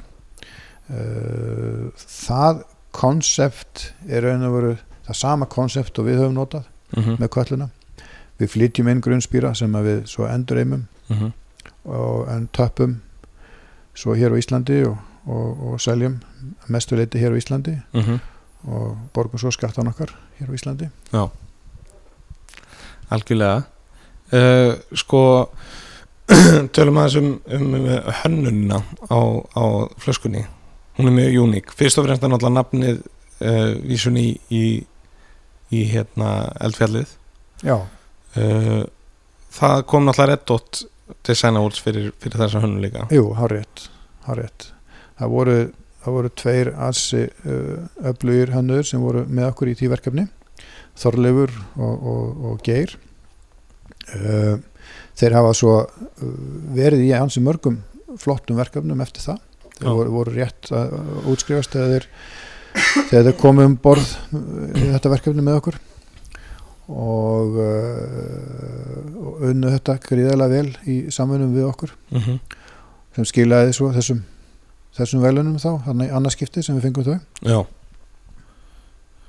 uh, Næst skulum við fara í í annað verkefni sem að uh, mér langar svolítið að, að pumpa þið um hérna.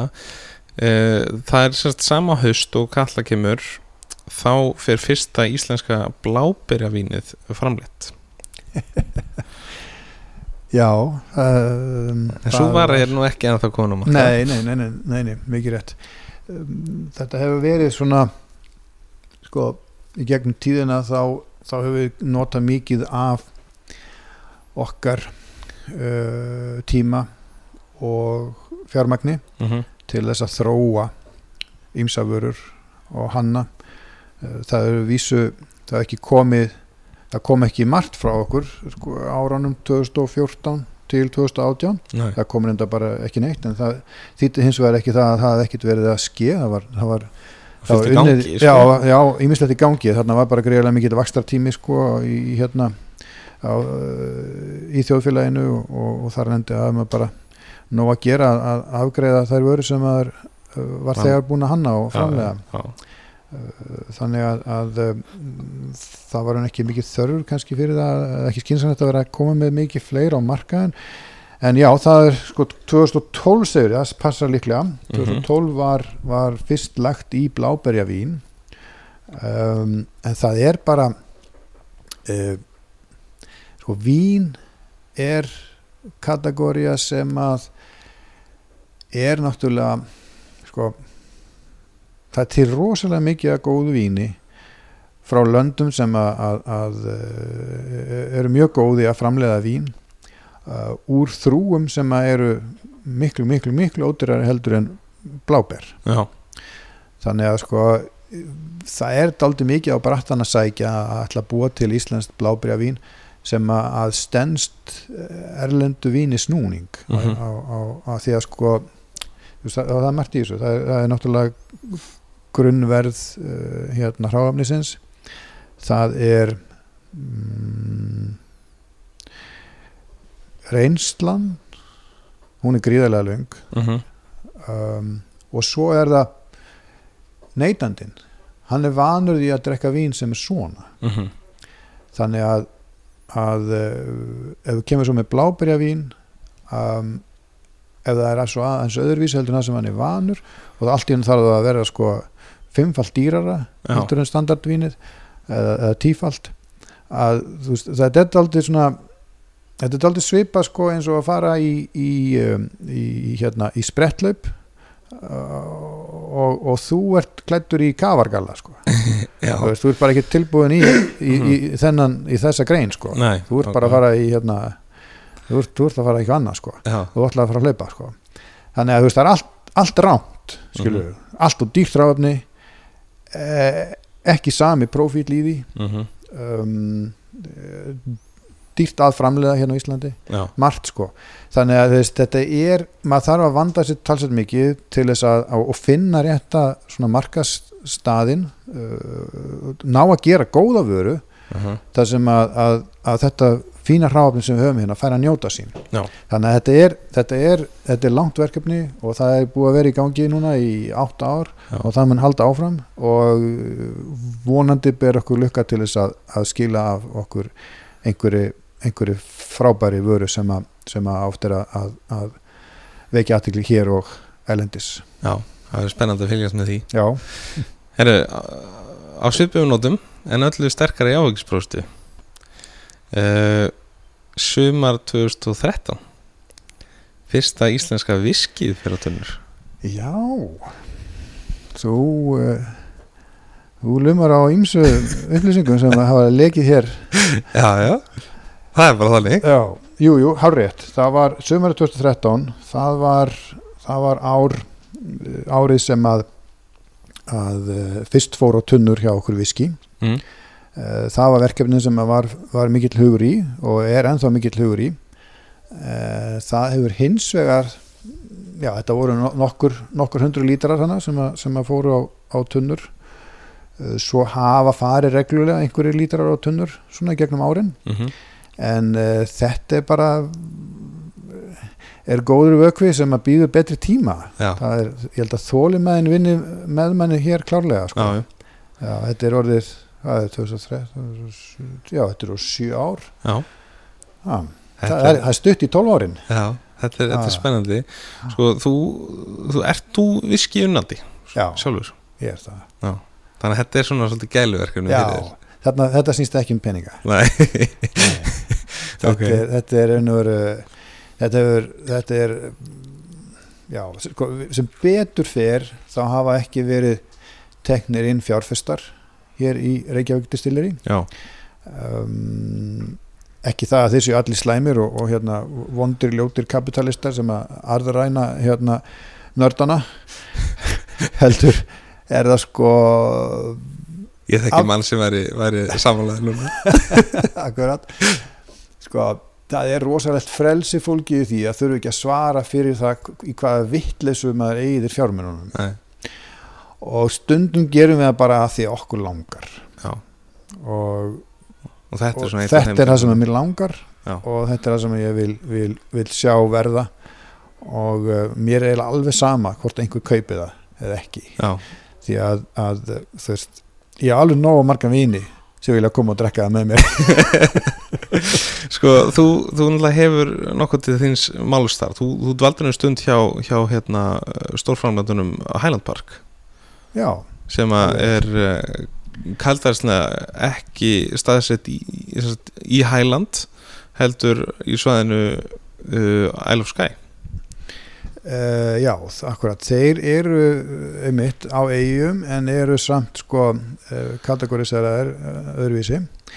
Um, þeir hafa sko það var að því þú nefnir þetta ég hef verið þarna, þarna innan dyra hjá þeim þarna þetta var nú ekki nema viku tími sko um, þetta var partur af samnorrænu verkefni í uh, rektun og nótkun á korni á norðurslóðum, á svona jaðarsvæðum. Mm og uh, rammin þarna var sagt möldun. Já, og uh, þeir hafa stund að gólfmöldun þarna þeir að haldi sig við þessa gömlu hefðbundna aðferð. Mm og um, uh, það var semst, minn minn aðgangur að þeim var í gegnum þetta verkefni. Já, og fekk þarna að vera í, í þjálfun hjá þeim Já. í, í gólmöldun í, í vikutíma.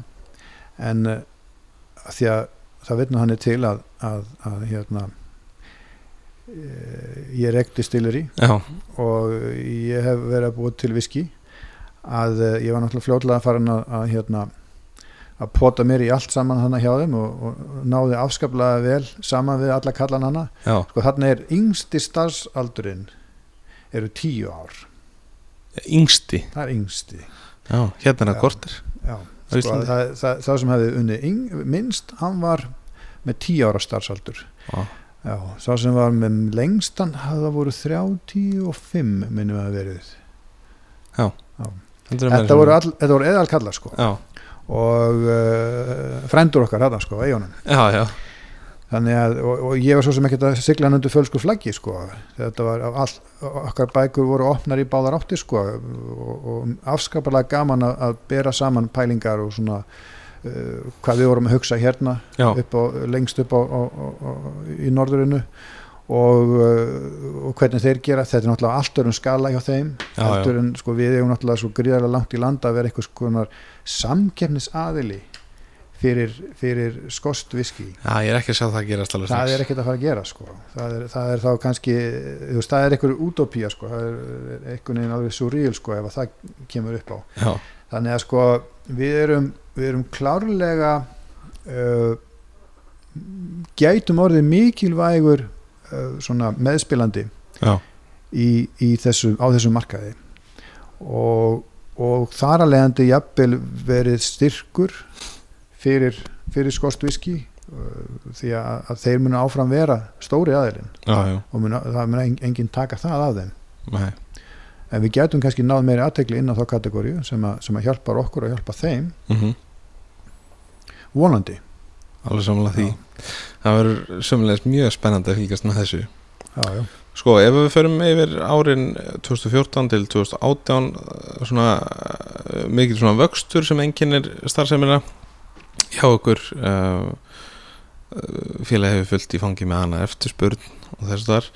Sko, á þessum árum uh, sé ég sérstaklega mikla nótkun hjá barþjónum uh, á Íslandi í, í keppnum og, og bara á stöðunum sjálfum.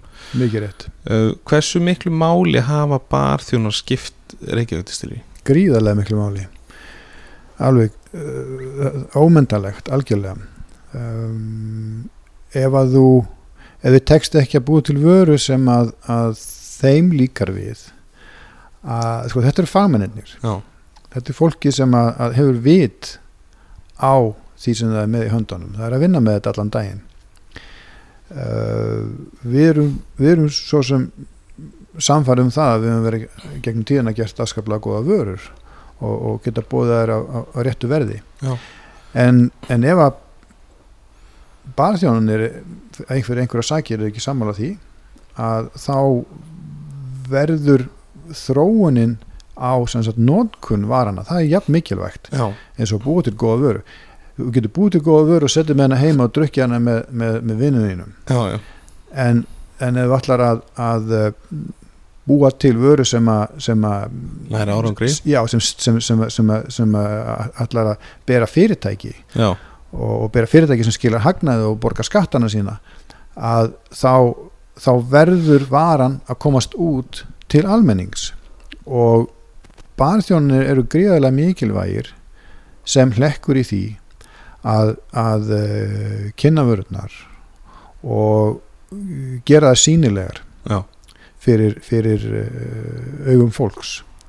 Og, og þetta getur erfitt í byrjun. Það er náttúrulega ákveðnir svona barþjónar sem eru með, með svona frumkvöðulega element og eru að, leita eftir sérstaklega vörum og hafa kannski svona sérstakt sens fyrir gæðum og, og, og, og uh, sérstakleika Mhm. vara. Og, og þetta er náttúrulega aðlana sem, að, sem að eru kannski fyrstir til þess að, að, að hoppa á lestina og, og fara að vinna með vörðnar og svo smátt saman smittar þetta út og, og, og, og, og ef að varan stendur undir merkjum að þá uh, mun hún ná um, já, ef allt er eðlilegt þá mun hún ná útbreðslu en það er bara það getur verið auðveldar sagt en gert. Já, því að, að það er rosalega mikið áreiti á barþjónum af uh, stórbröndum Mhm. sem að hafa gríðarlega öflugt tæki til þess að ná aðteklinni þannig að, að, að í því samengi sko, það, er, er, það getur verið mjög erfitt að ná aðteklinni í því samengi nema það sért með vörur sem að eru algjörlega sérstakar já, og stóru aðeinslega geta eh, með, með um, litlu móti kóperað einn á móti einum. Já, og þar hafa náttúrulega líkjörðnir verið með daldið góða sérstöðu. Það hefur ekki verið neitt annað í, í bóði í fjölda, fjölda ára allavega. Ekkert innflutt langt frá því. Og muni vantarlega ekkert vera neitt innflutt í bóði nei, því að það, ef það er framleitt á sama hátt og, og, og, og með sömu gæðum og við erum að, að framleiða þá væri svo vara orðin dýrari. Já, já, því að það myndi enginn sagt það, sko virðiskeðjan hún slitnar bara á leðinni vegna þess að að sko, við lifum að af því að við erum ekki með neitt overhead. Mhm, við getum bóði vöruna á samkjörnins verði. Eða það verið að flytja vöruna á milli landa. Og það eru dreifingaræðilar og það eru heilsalar sem allir þurfa að þjána á þessu. Já, já, að uh, þá er svona vara kominu alveg þrúður rúf já, Uh, það er, það er uh, blábæra líkjör uh, allan kosti ekki svona, það myndi kosta svona tvöfalt nánast það uh, fluttur til, til uh, bandaríkjana til dæmis. Já. Það er mjög magnað. Já, sko, eh, þetta hefur líka það hefur svona einkjent þetta, nú hefur við nú svo sem fylgst með þessu líka verandi barþjóð að uh, svona kannski mikilvægustu barþjóðunir í senunni hafa kannski verið þeir sem hafa verið mest að nota um, vöru frá Reykjavík distilleri og það náttúrulega smitar út, út frá sér því að það eru aðri barþjóðunar sem líti upp, til- þeirra sko. Já, klárlega. Uh, og ég get heiklust sagt að, að svona fyrir hönd kollega mína þá hefur Reykjavík stilir skipt okkur uh, miklu máli sem leiðis það er mjög gott að heyra það það ilja manni um hjartarætunar sko það er náttúrulega líklatrið að hafa hákjað hráfni þegar maður býtir drikki og, og það er mjög þægilegt að geta uh, gengið að því vísu í heima högum akkurat. Herðu, síðan hérna uh, gerist það ára februar 2018 það er svolítið breakthrough því að þá uh, kemur Angelica Ginn á markað. Já. Eftir langa og stranga fæðingu. Já, sko þessi vara uh, er kannski ekki alveg svona nægilega þekkt meðal Íslendinga uh, enn sem komið er allavega svona er það mitt mat að enn fleiri nú er náttúrulega gynkategóriðan rosa, rosalega stór hérna heima. Uh, og það er náttúrulega mikil samkeppni. Uh, hvað myndir þú segja að, að, að hérna hvað myndir þú segja að, að, gera Angelica að svona frábröðum öðrum gynum annað, annað en það að ég smatt, satt í smakknemnd við þetta já, það eitt og sér er náttúrulega mjög mikilvægt. Um, hún er hún er unnin eftir þessari London aðferð sem við tölum um hérna áður. Já, og uh, þannig að sko í grunninn er þetta er þetta hefðbundið gen í, í sinni svona í aðferðafræðinni. En uh, við tókum það ákverðun uh, á leiðinni að færa okkur yfir í íslensku flóruna. Já, um, þegar ég segi færa okkur yfir uh, við varum náttúrulega grunnurinn og rótin okkar er náttúrulega íslensk flóra já, já, og það er það sem við unnum með í fyrstu vörulínunni með hérna líkjurana og einiberja gínið og, og, og, og uh, brennivínið. Uh, þegar Angelica uh, er, fer á tekniborðið uppalega þá átt hún að vera flóknari sem sagt flóknari hvað varðar sko aðföng. Þá átt að taka mm, krydd hvaðan af heiminum. Mm -hmm. uh, markmiðið var einfallega að búa til fáránlega gott ginn Mm -hmm. uh, með hefðbundnum jurtum. Þetta er sko 2013 Já, það sem að gerist svo á þessum árum 2013, 14, 15, 16 við sjáum að ginn sko verður bara fenómenal sko.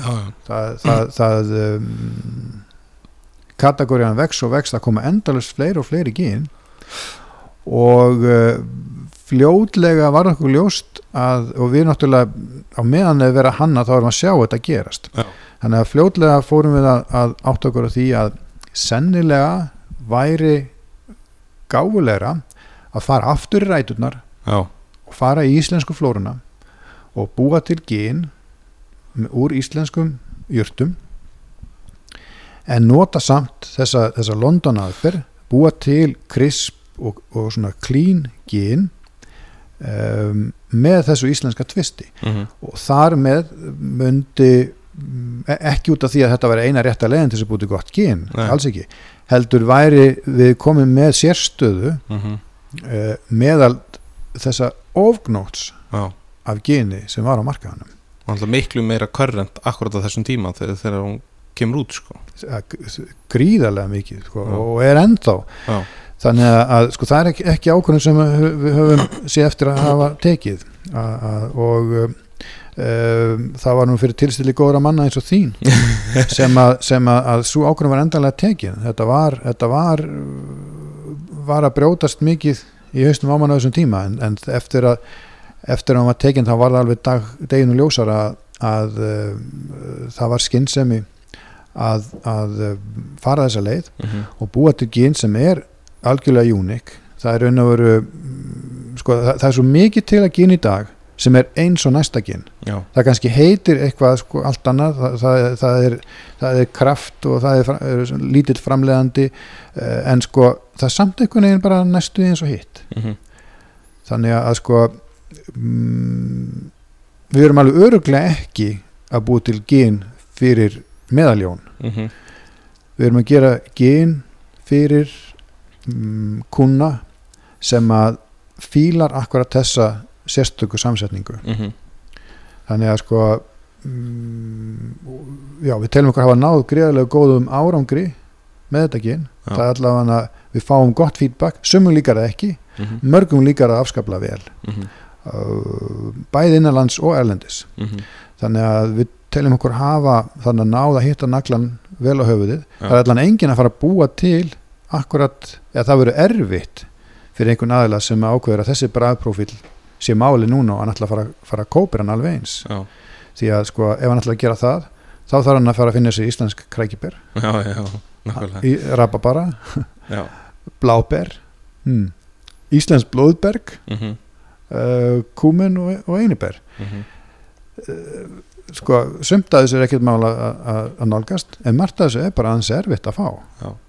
þannig að uh, uh, þarna er þannig vara sem er, er sérstök en enga síður með þessa, þessa crisp clean eiginleika sem að uh, fólk þekkir úr uh, hefbundur London drækini það náttúrulega er sko er ákveðin just sem að spila svolítið stórt hlutverk sem að kannski kemur svolítið fram í nafninu sem er Angelica, Angelica og, og er í raun bara einska heiti Hvern nákvæmlega. Það, það er raun og veru krydd númer tvö sko. Já. og hérna uh, á eftir einumberjónum já, og, og hvönn er náttúrulega okkar kryddnúmer þetta er eiginlega svona svolítið, svolítið þjóðar krydd sko. algjörlega sko. Mm. og náttúrulega bara einmagnast í heimi sko. hún er bara, hún er heimsmeistari sko. já, það er alveg ótt að segja það og, og hérna heiklust að fólk skuli sko ef það eru smá nörda element í ykkur að, að, hérna, að googla bara hversu megnuð kvönnin er og hefur haft uh, mikla þýðingu í okkar sögu bara í gegnum tíðina sem lækningajurt sko. Já, þetta var, þetta var, þetta var jurt sem að þú, þú varst ekki að messa við hann neitt sko, þú, veist, þú varst ekki að fara að, að laumast í garðin hjá nágrannum og taka, taka kvönn sko, já, já. það gæti bara verið útleið sko Það eru sko sögur sem að hérna, segja manni það að, að einhver hafi verið að falla fram á bjargi en náð gripi á kvönn og, og, og hún rík helst honum og, og, bjarga hann frá dauða og það er alls konar svona skemmtilega sögur sem að, sem að maður hérna, hefur heyrt sko. uh, og náttúrulega eins líka fyrir hana hvað hún er, hún er fjölbreytt og hvað þú getur notað uh, nota hann á, á margæslegan hátt sko. Já, og, og þú getur nota alla jurtina Já. þú getur nota hérna, eh, rótina, stilkin, blöðin mm uh, fræin fræin og þetta hefur allt svona um, svona sinn ákveðina karakter þessu, þetta er allt saman svona svipað en, sko, en samt ólíkt sko. já, já. og svo náttúrulega er hægt að fara út í bara á hvað ástíma og tekur hann sko. Já, akkurat, akkurat þetta er rosa fjölbreytni eh, hvað varðar bara þessi jurt sko. já, já. þetta er líka eitt af þessum uh, svona grunnkryddum í gíni já, já, þannig að hún er, hún er svo sem ekkert, ekkert fjarlæg hérna uh, hérna gíni þegar kemur að, að, að, að nei, og, og, um, og hún á alveg skilið sko akkurat þennan sess að hafa fengið sko að, að, að, príða nafnið sko. Já, já Angelica. algjörlega sko. Og það er svolítið skemmtilegt að segja frá því að, Angelica, þetta þessi engla tenging kemur náttúrulega frá jú. því að, að það var erkeengil sem að sem að hérna sagði uh, góðum manni í draumi að uh, þessi jurt myndi rekja burtu einhverja, einhvern faraldur sem að var þá í gangi. Kannski hjálpar hann til aftur. Já, það er aldrei að vita.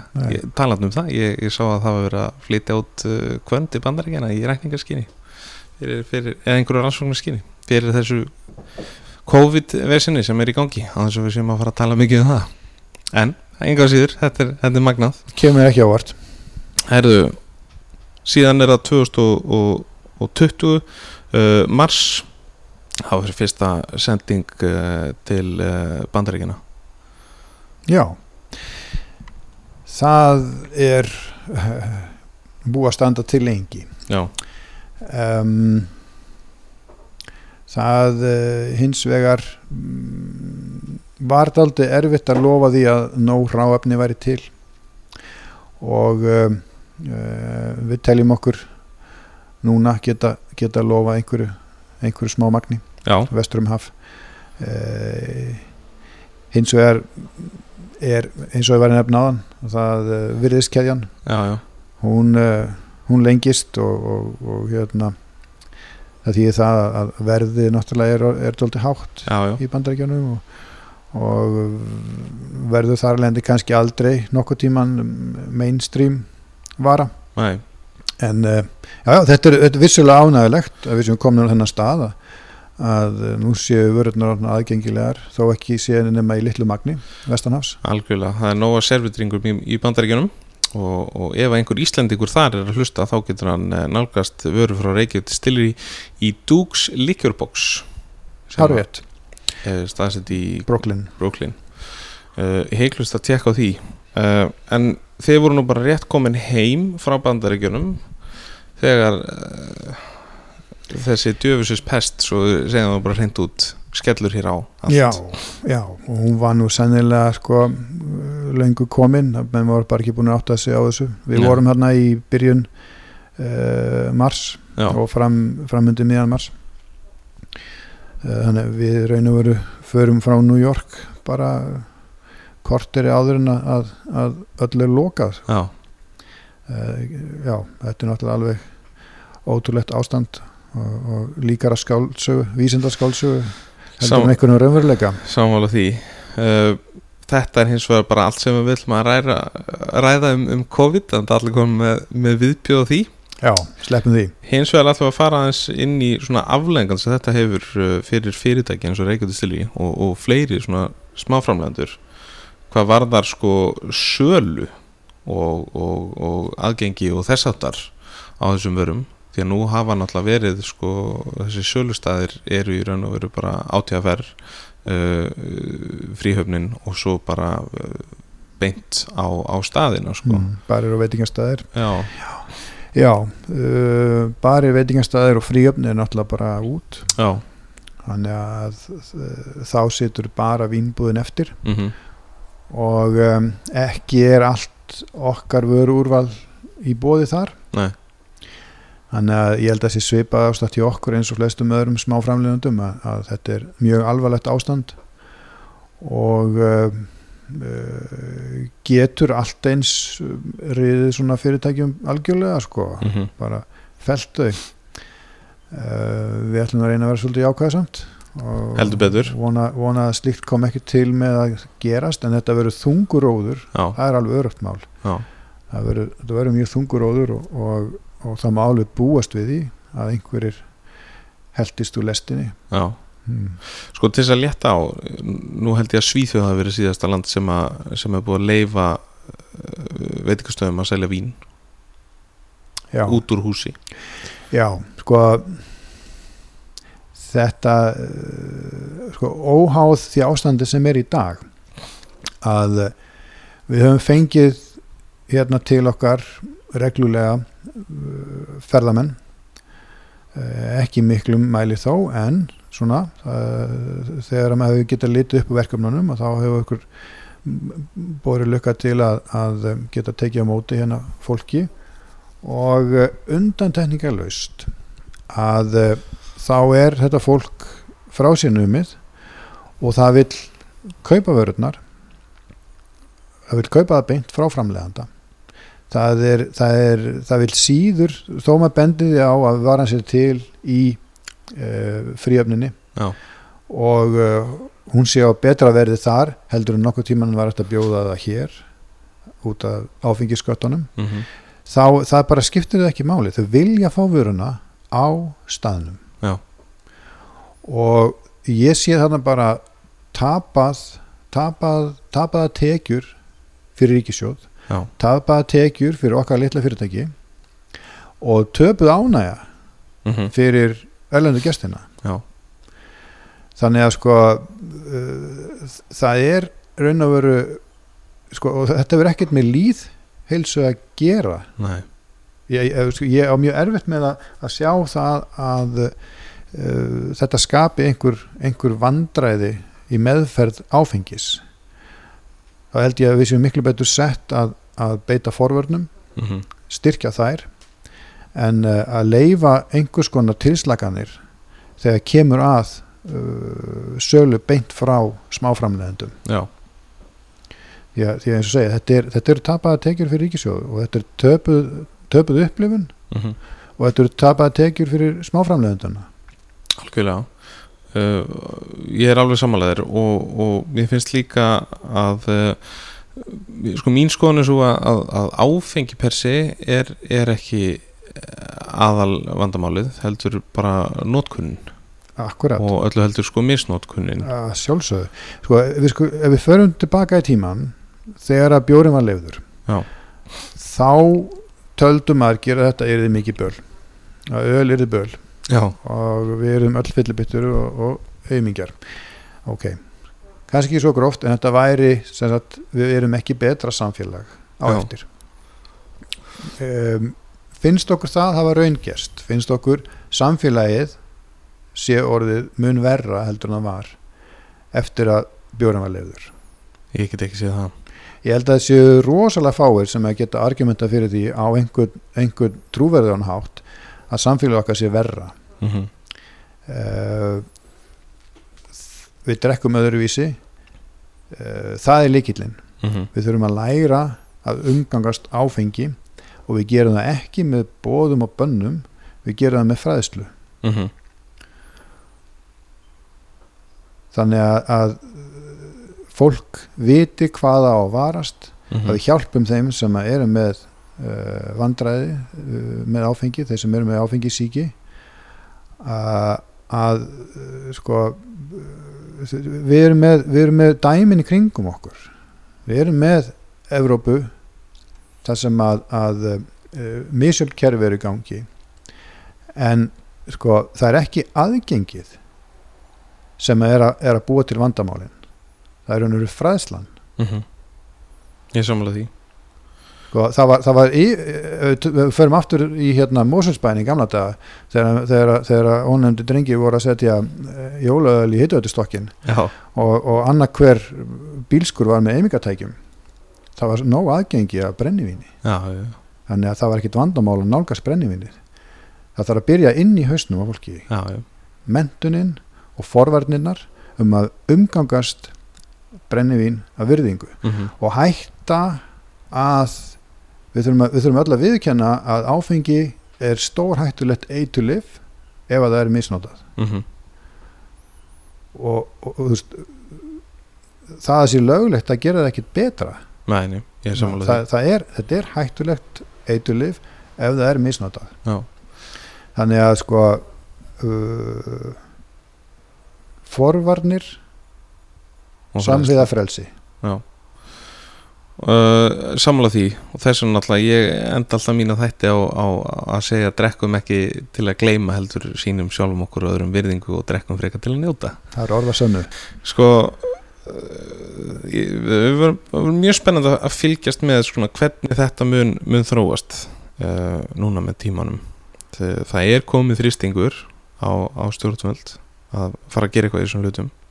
Þannig að við, við hérna, býðum bara spenntur að sjá hvað gerist þar? Já, við, við skulum vona. En það er nöðslega að lykta vel og ilma vel þetta heldur. Sko það vita það kannski ekki allir en þú ert að framlega uh, ilmvatn. Já, sko mm, framleiða, við höfum gert þetta í samstarfi við erlend fyrirtæki. Já, já, uh, við höfum vísu verið með plön um að, að flytja framleiðsluna heim mm og lagt svona grunninn að því uh, og, og erum vongaðum að það muni bara takast uh, að koma því á, á koppin hér. Já. uh, það, það væri náttúrulega draumur. Já, en um, já, þetta er svona meðvara sem var hönnuð á sínum tíma og inspireruð úr snapsa eimingunni. Mm þetta er, þetta er í grunninn náttúrulega þetta er í grunninn mjög svipað Já. snaps og, og, og, og ilma. Já, það er, það er fundamentalt risastór munur en þetta er í upp, uppi staðnir áfengi mm og uh, ilmóljur já. eða, eða essential oils. Uh uh, það er bara spurning sko í hvaða magni já, og, um, og hvaða ilmóljur það eru. Já. Og erum við að tala um, um, um ilmin sem að heitir því skemmtla nafni Landi, landi, því að við drekkum ekki landa, myndu það. Ákvæðlega. Þar alveg setjum við þennan landa á okkur Já, þetta, og eins og ég hef nú oft uh, sagt hér í, í, í kynningum í Happy Hour að, að þetta er eini löglegi landin á, á Íslandi akkurat það verður náttúrulega að vera einn ein landi sem jú, jú, jú, jú. sko. En þetta hefur verið, verið skemmtileg vara þetta er svo sem, er svo sem ekki, ekki mjög stór vara uh, en uh, hún hefur uh, ákveðin kúnahóp Já, fastan, fastan kúnahóp sem að, að, að uh, kaupir hana reglulega. Þetta er ekki nefnilega uh, sko þetta er ekki túristavara per se. Hefur, hefur gengið ágætlega í þá já, en uh, staðisti kúnahópurinn eru Íslendingar. Já, það eru, já, þe- þetta er lítill en mjög tryggur hópur sem að, sem að notar hennan ilm. Já. Og svo er náttúrulega uh, uh, sömulegis kvennelmur já, jú, jú það er, þær þurfa að fá sitt líka. Alltaf og miklu meina það. Uh, sko þessa ilmi sko þessa ilmi uh, eru þeir eru náttúrulega fálegir í, í fríhöfninni uh, og blálónu jú, á rétt. Og svo er náttúrulega verið að skoða einhverju fleiri sölustæði fyrir, fyrir þessa já, uh, landi hefur verið í Kormöngju skildi líka. Já, og uh, já, svo fríöfn og, og hérna blá lónið. Uh, einni var landi í bóði í Æslandervélunum um árabil. Já, um, uh, svo þegar hann hætti þar þá færði svo sala bara öll yfir í fríöfnina. Já. Já, það, það kom í ljós að það voru að stórum hluta áhafnir sem að voru að kaupa hann. Nú, það, já, skemmtilegt. Já, Þetta er eh, mjög, mjög skemmtilegur útudúr Já, já. og ekki allir sem að hérna, vita af þessu en það, þetta, er, þetta er skemmtilegt. Endilega tekkið á því eh, bæði inn, á hérna, eh, Facebook uh, Landi Parfjúm þá getið þið skoða hvað, hvað umræðir Herðu, núna ætlum við aðeins að brjóta þetta upp Snorri. Uh, Við ætlum að fara í smá spurningaserju sem ég ætla að, að hérna, skýra gestgjafin að ég er nú svolítið því að skýra alls sko já. Uh, ég leiði í gerðum þetta. Þetta snýst um vegar í fljótundu formi að sjálfsögðu. Uh, ég set upp svona aðstæður og þú segir mér hvaða drikk þú ætlar að bjóða mér upp á við þær aðstæður. Uh, má maður vera hlutrægur já, já, Já, sjálfsögðu. Ok. ég, ég bara passlega já, ég- það er bara ekki nokkuð spurning. Herru, við vindum okkur frýta við viljum ekkert að, að býða með þetta lengur. Tilbúin. Herru, það er scenari nummer eitt uh, það er stormur úti hávetur, skítakvöldi uh, heitt sagt inni við arinin og svolítið svona að ímynda okkur mæli með að fólk loki augunum og ímynda sér þetta. Uh, þann sitjum við á raukstólum eins og svo ofta aður og býðum af okkur veðrið. Hvað hérna ætlum við að drekka? Hreppstjóra, hreppstjóra, hreppstjóra kaffi. Allan daginn. Já, ég er ánægð með þetta svar Ég er ánægð, mjög ánægð með þetta. Ok, tökum við scenari nummer 2 þá. Þá ætlum við að fara í, í aðeins svona falleri og skemmtilegra veður. Það er sól og blíða á Íslandi. Uh, Rossagauks söngur uh, heitapottur uh, og upp í sumabústa Hvað ætlum við að drekka þar? við ætlum að fara í rabba bara annarkot rabba bara sprits Já. eða rabba bara sóta Já. Já, ég hugsa bara rabba bara sóta. Já. því að hérna, annars verðum við endum við bara á fullir í potinu sko. Já, ég er Já. það má ekki. Já, fyrir rabba bara sóta. Já, hvað er þessi bústæður? hann er bara á skeiðum eða eitthvað, sko. rétti að rabba bara framlega þetta Já, lögum Það er stutt að fara þá. Herðu, ok, uh, Naut og Bernes. Sæl. Þarna verðum við að vera í einhverju dekkra sko, Já, sko nöyt og bernes sko, við verðum við verðum að hafa við verðum að hafa rauðvin sko, sko það er möst mm um, já, við tökum við tökum einhvern sko ef við ekki að taka bara eitthvað svona hérna, Valpolicella hérna, reitt Já, ég til það Ég er mjög til það Herðu, ok. Amarone, Já, já, já, ok Ég skal alveg setja mig við það. Settum okkur við það. Hlakka, okay. hlakka til að, að en, en við verðum að hafa eitthvað aðeins meira sko. Já, já, ok. Já. ef við ekki að fá okkur einhvern, einhvern hérna mm, með kaffinu og eftir tökum við nei, það verður, veistu hvað? Það verður skýrterta í eftir og út á henni verður, verður úlíkun ósum blábræð líka. Glussaði yfir já, eins og góður maður myndi segja. Já, þannig verður það. Já, ég er ánægð með þetta Herru, ok, næsta er uh, það er sem sagt uh, barbecue grill stemning svona á pallinum. Grill og sum, á, sumri. Við Já, tókum já. bara veturum fyrst sko. Já, já, já, og hérna það er já, það er stemningi, Hva, hvað ætlum við að drekka þar? Á pallinum? Vi, við ætlum að taka svona velkomdrykk Já, þá förum við í í íslenska kýr. Já. Það verður bláberja í, hérna, í þurru freyðvinni mm við byrjum að því. -hmm. svo svo ætlum við bara að fara í, í hérna taka bjór. Já, ég er ánægð með það. Já. við setjum í eitt tuma humal. Já, hmm, Ég- ég- frá, frá gæðingi. Ég, ég bara, ég skal glæði að taka við því. Herru, ok, það eru tvær eftir hérna. Nei, það eru þrjár. Já, ok, er þetta ekki bara fýta það? Herru, þetta er svolítið skemmt Það er last call á flottum koktelbar Hvað við að drekka? Við ætlum að fara beint í íslenska negróni Já. hmm. þá tökum við þá tökum við einiberja Já, krækiberja Já. og við skulum já við skulum, við skulum, við skulum henda því inn ok við skulum jafnvel, við skulum halda kannski við skulum halda hálfum hálfum af, hérna, af, af bitter og, og, og vermúð Já, og setja krækibæri á móti. Ég til það. Já. Koktelbar er þetta?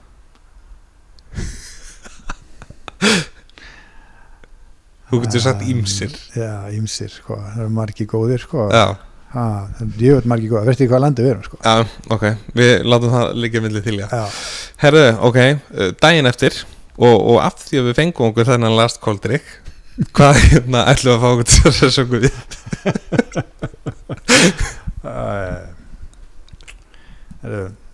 Það er bara vatn og krananum sko, Já, að nóa því sko. Já, það fengi okkur líka áður fórum að sofa sko. Já þess vegna erum við alveg ferskir. Já, já, og ætlum að halda áfram í dag já, að við getum það og fáum okkur við neglum í köllu rababara lítilega, það er góð byrjun á deginum. Já, uh, og svo er hérna síðast spurningin. Hver er þinn uppáhals drikkur gangið vel með þessa spurningu. Ég elska klassíska búsi koktela Já. hver er uppáhals í mörg mörg ár var það Negroni svo var það Old Fashion. Svo ég fengi fáranlega góðan brennivíns Old Fashion. Já, um, það er uh, Bjartur Dali já, sjátt á hann. Já. Sá var góður. Uh, því meira alkohol því betra. Já. nei, svona öllu grínu sleftu þá tek, þá tek ég þessa tvo. Má velja tvo? Já, já, já, já, já það er, þeir, sko, góð negróni er alltaf, er alltaf negróni sko, hann er alltaf góður sko. Mm hvort sem hann fari í eða úr tísku eða hvað. Hann verður aldrei út í sko hann er, hann er alltaf góður. Ekki frekar en konverskor nei, nei, nei. Nei, nei, nei, akkurat. Það er bara já, það er þessi tveir. Ok, ég, ég er til í það. Herru, já, þetta, þetta var skemmilegt mjög svo, Það ekki? jú, jú Herru, þá ætlum við að fara aðeins í, í svona nútíman. Uh, Við erum alltaf í, í apríl að taka þennan uh, þátt upp. Uh, Það er að koma sumar, náttúra Íslands fyrir að vakna. Rossagögunni fyrir að vekja okkur hérna á móndana fljótlega vondi uh, Við ætlum nú að bara alltaf eitthvað saman í sumar. Jú, jú, Það eru, það eru bjartari tíma framöndan snarri. já, það er það, þeir verið alltaf örglega ekki mikið svartari eða hvað. Það er allavega sólin er á leiðinni rétt átt. Já. Hún er á leiðinni upp. Mm -hmm. uh, voruð er á næsta leiti. Það er að fara í herta voru, voru í herta og akkurat. Og, og bráðum koma Ekki blessu jólin nei, það en, er en það. koma blessu kryddin. Já, bráðum koma blessu kryddin. Já, og þá verður hægt að fara að, að munda pokan Já, og leggja land undir fót. Og týna það sem að, að Guð, Hugurbyggðnist. Guð, Guð ber manni úr voru náttúru. Já, ná, ég sammála því. Uh, Að því sögðu er ekki mikilvægt að fólk velji það sem það kýsa það rekka þá að reyna að velja það sjálft. Mm já, Og þá ætlum við að nefna hér kapsjónið hashtag drekkum íslenskt. Við drekkum íslenskt. Það er bara þannig. Já, það er þannig. Það verður uh, spennandi að fylgjast uh, með þessu öllu saman. Uh, og svona ílógin fyrir þá sem vilja skoða vörðunar eitthvað nánar þá er náttúrulega heimasíðan reykjavitistili.is og svo náttúrulega Face og, og Insta. Já, kíkja það. Um að gera. Og svo náttúrulega bara fara að hérna uh, vesla sér vörur og, og pröfa eitthvað skemmtilegt uh, úr þeim vörum. Uh, Angelica væntalega vonandi í, í, í ríkið. Já, vonandi bara núna á vormánuðum sem við erum nú þegar komnir. Já. allan fyrir sumarið. Algjörlega. Uh, Sannur heiður að fá því í þáttinn. Gaman að vera, Snorri Jónsson frá Reykjavík takk fyrir að koma í Happy Hour. Mín var ánægum Þar hafið það kæru hlustendur uh, magnaða vörur sem hann Snorri og frú búa til. Og svo er hann líka sjálfur og þau hjónin alveg frábært fólk eins og þið heyrðuð eins og ég sagði hann þá má lesa meira um vörurnar uh, frá Reykjavík inn á reykjavík.is sumulegis Instagram og Facebook. Svo byrtist uh, að sjálfsögðu uppkast að þessum þætti inn á heimasíðinni væsmenn.is Það má líka lesa uh, alltaf nýjast og helsta úr drikjar heiminum sem og aðra þætti í Happy Hour. Endilega fylgist uh, með Væsmenn á Instagram og Facebook og ekki glema að ykkur í Facebook-grúpuna Happy Hour með Væsmenn. Svo ber að nefna YouTube-brásuna þar sem byrtast reglulega vídeo í seríunni Væsmenn at Home þar sem Væsmenn kennir koktelegerð með því sem til er á heimilinu. En þátturinn verður ekki lengri að sinni. Munið orð Væsmenn eins og ég sagði hér áðan, drekkum ekki til að glema sínum sjálfum okkur og öðrum virðingu og drekkum fyrir ekkar til að njóta. Takk kærlega fyrir að hlusta. Þannig að næst, Væsmenn out.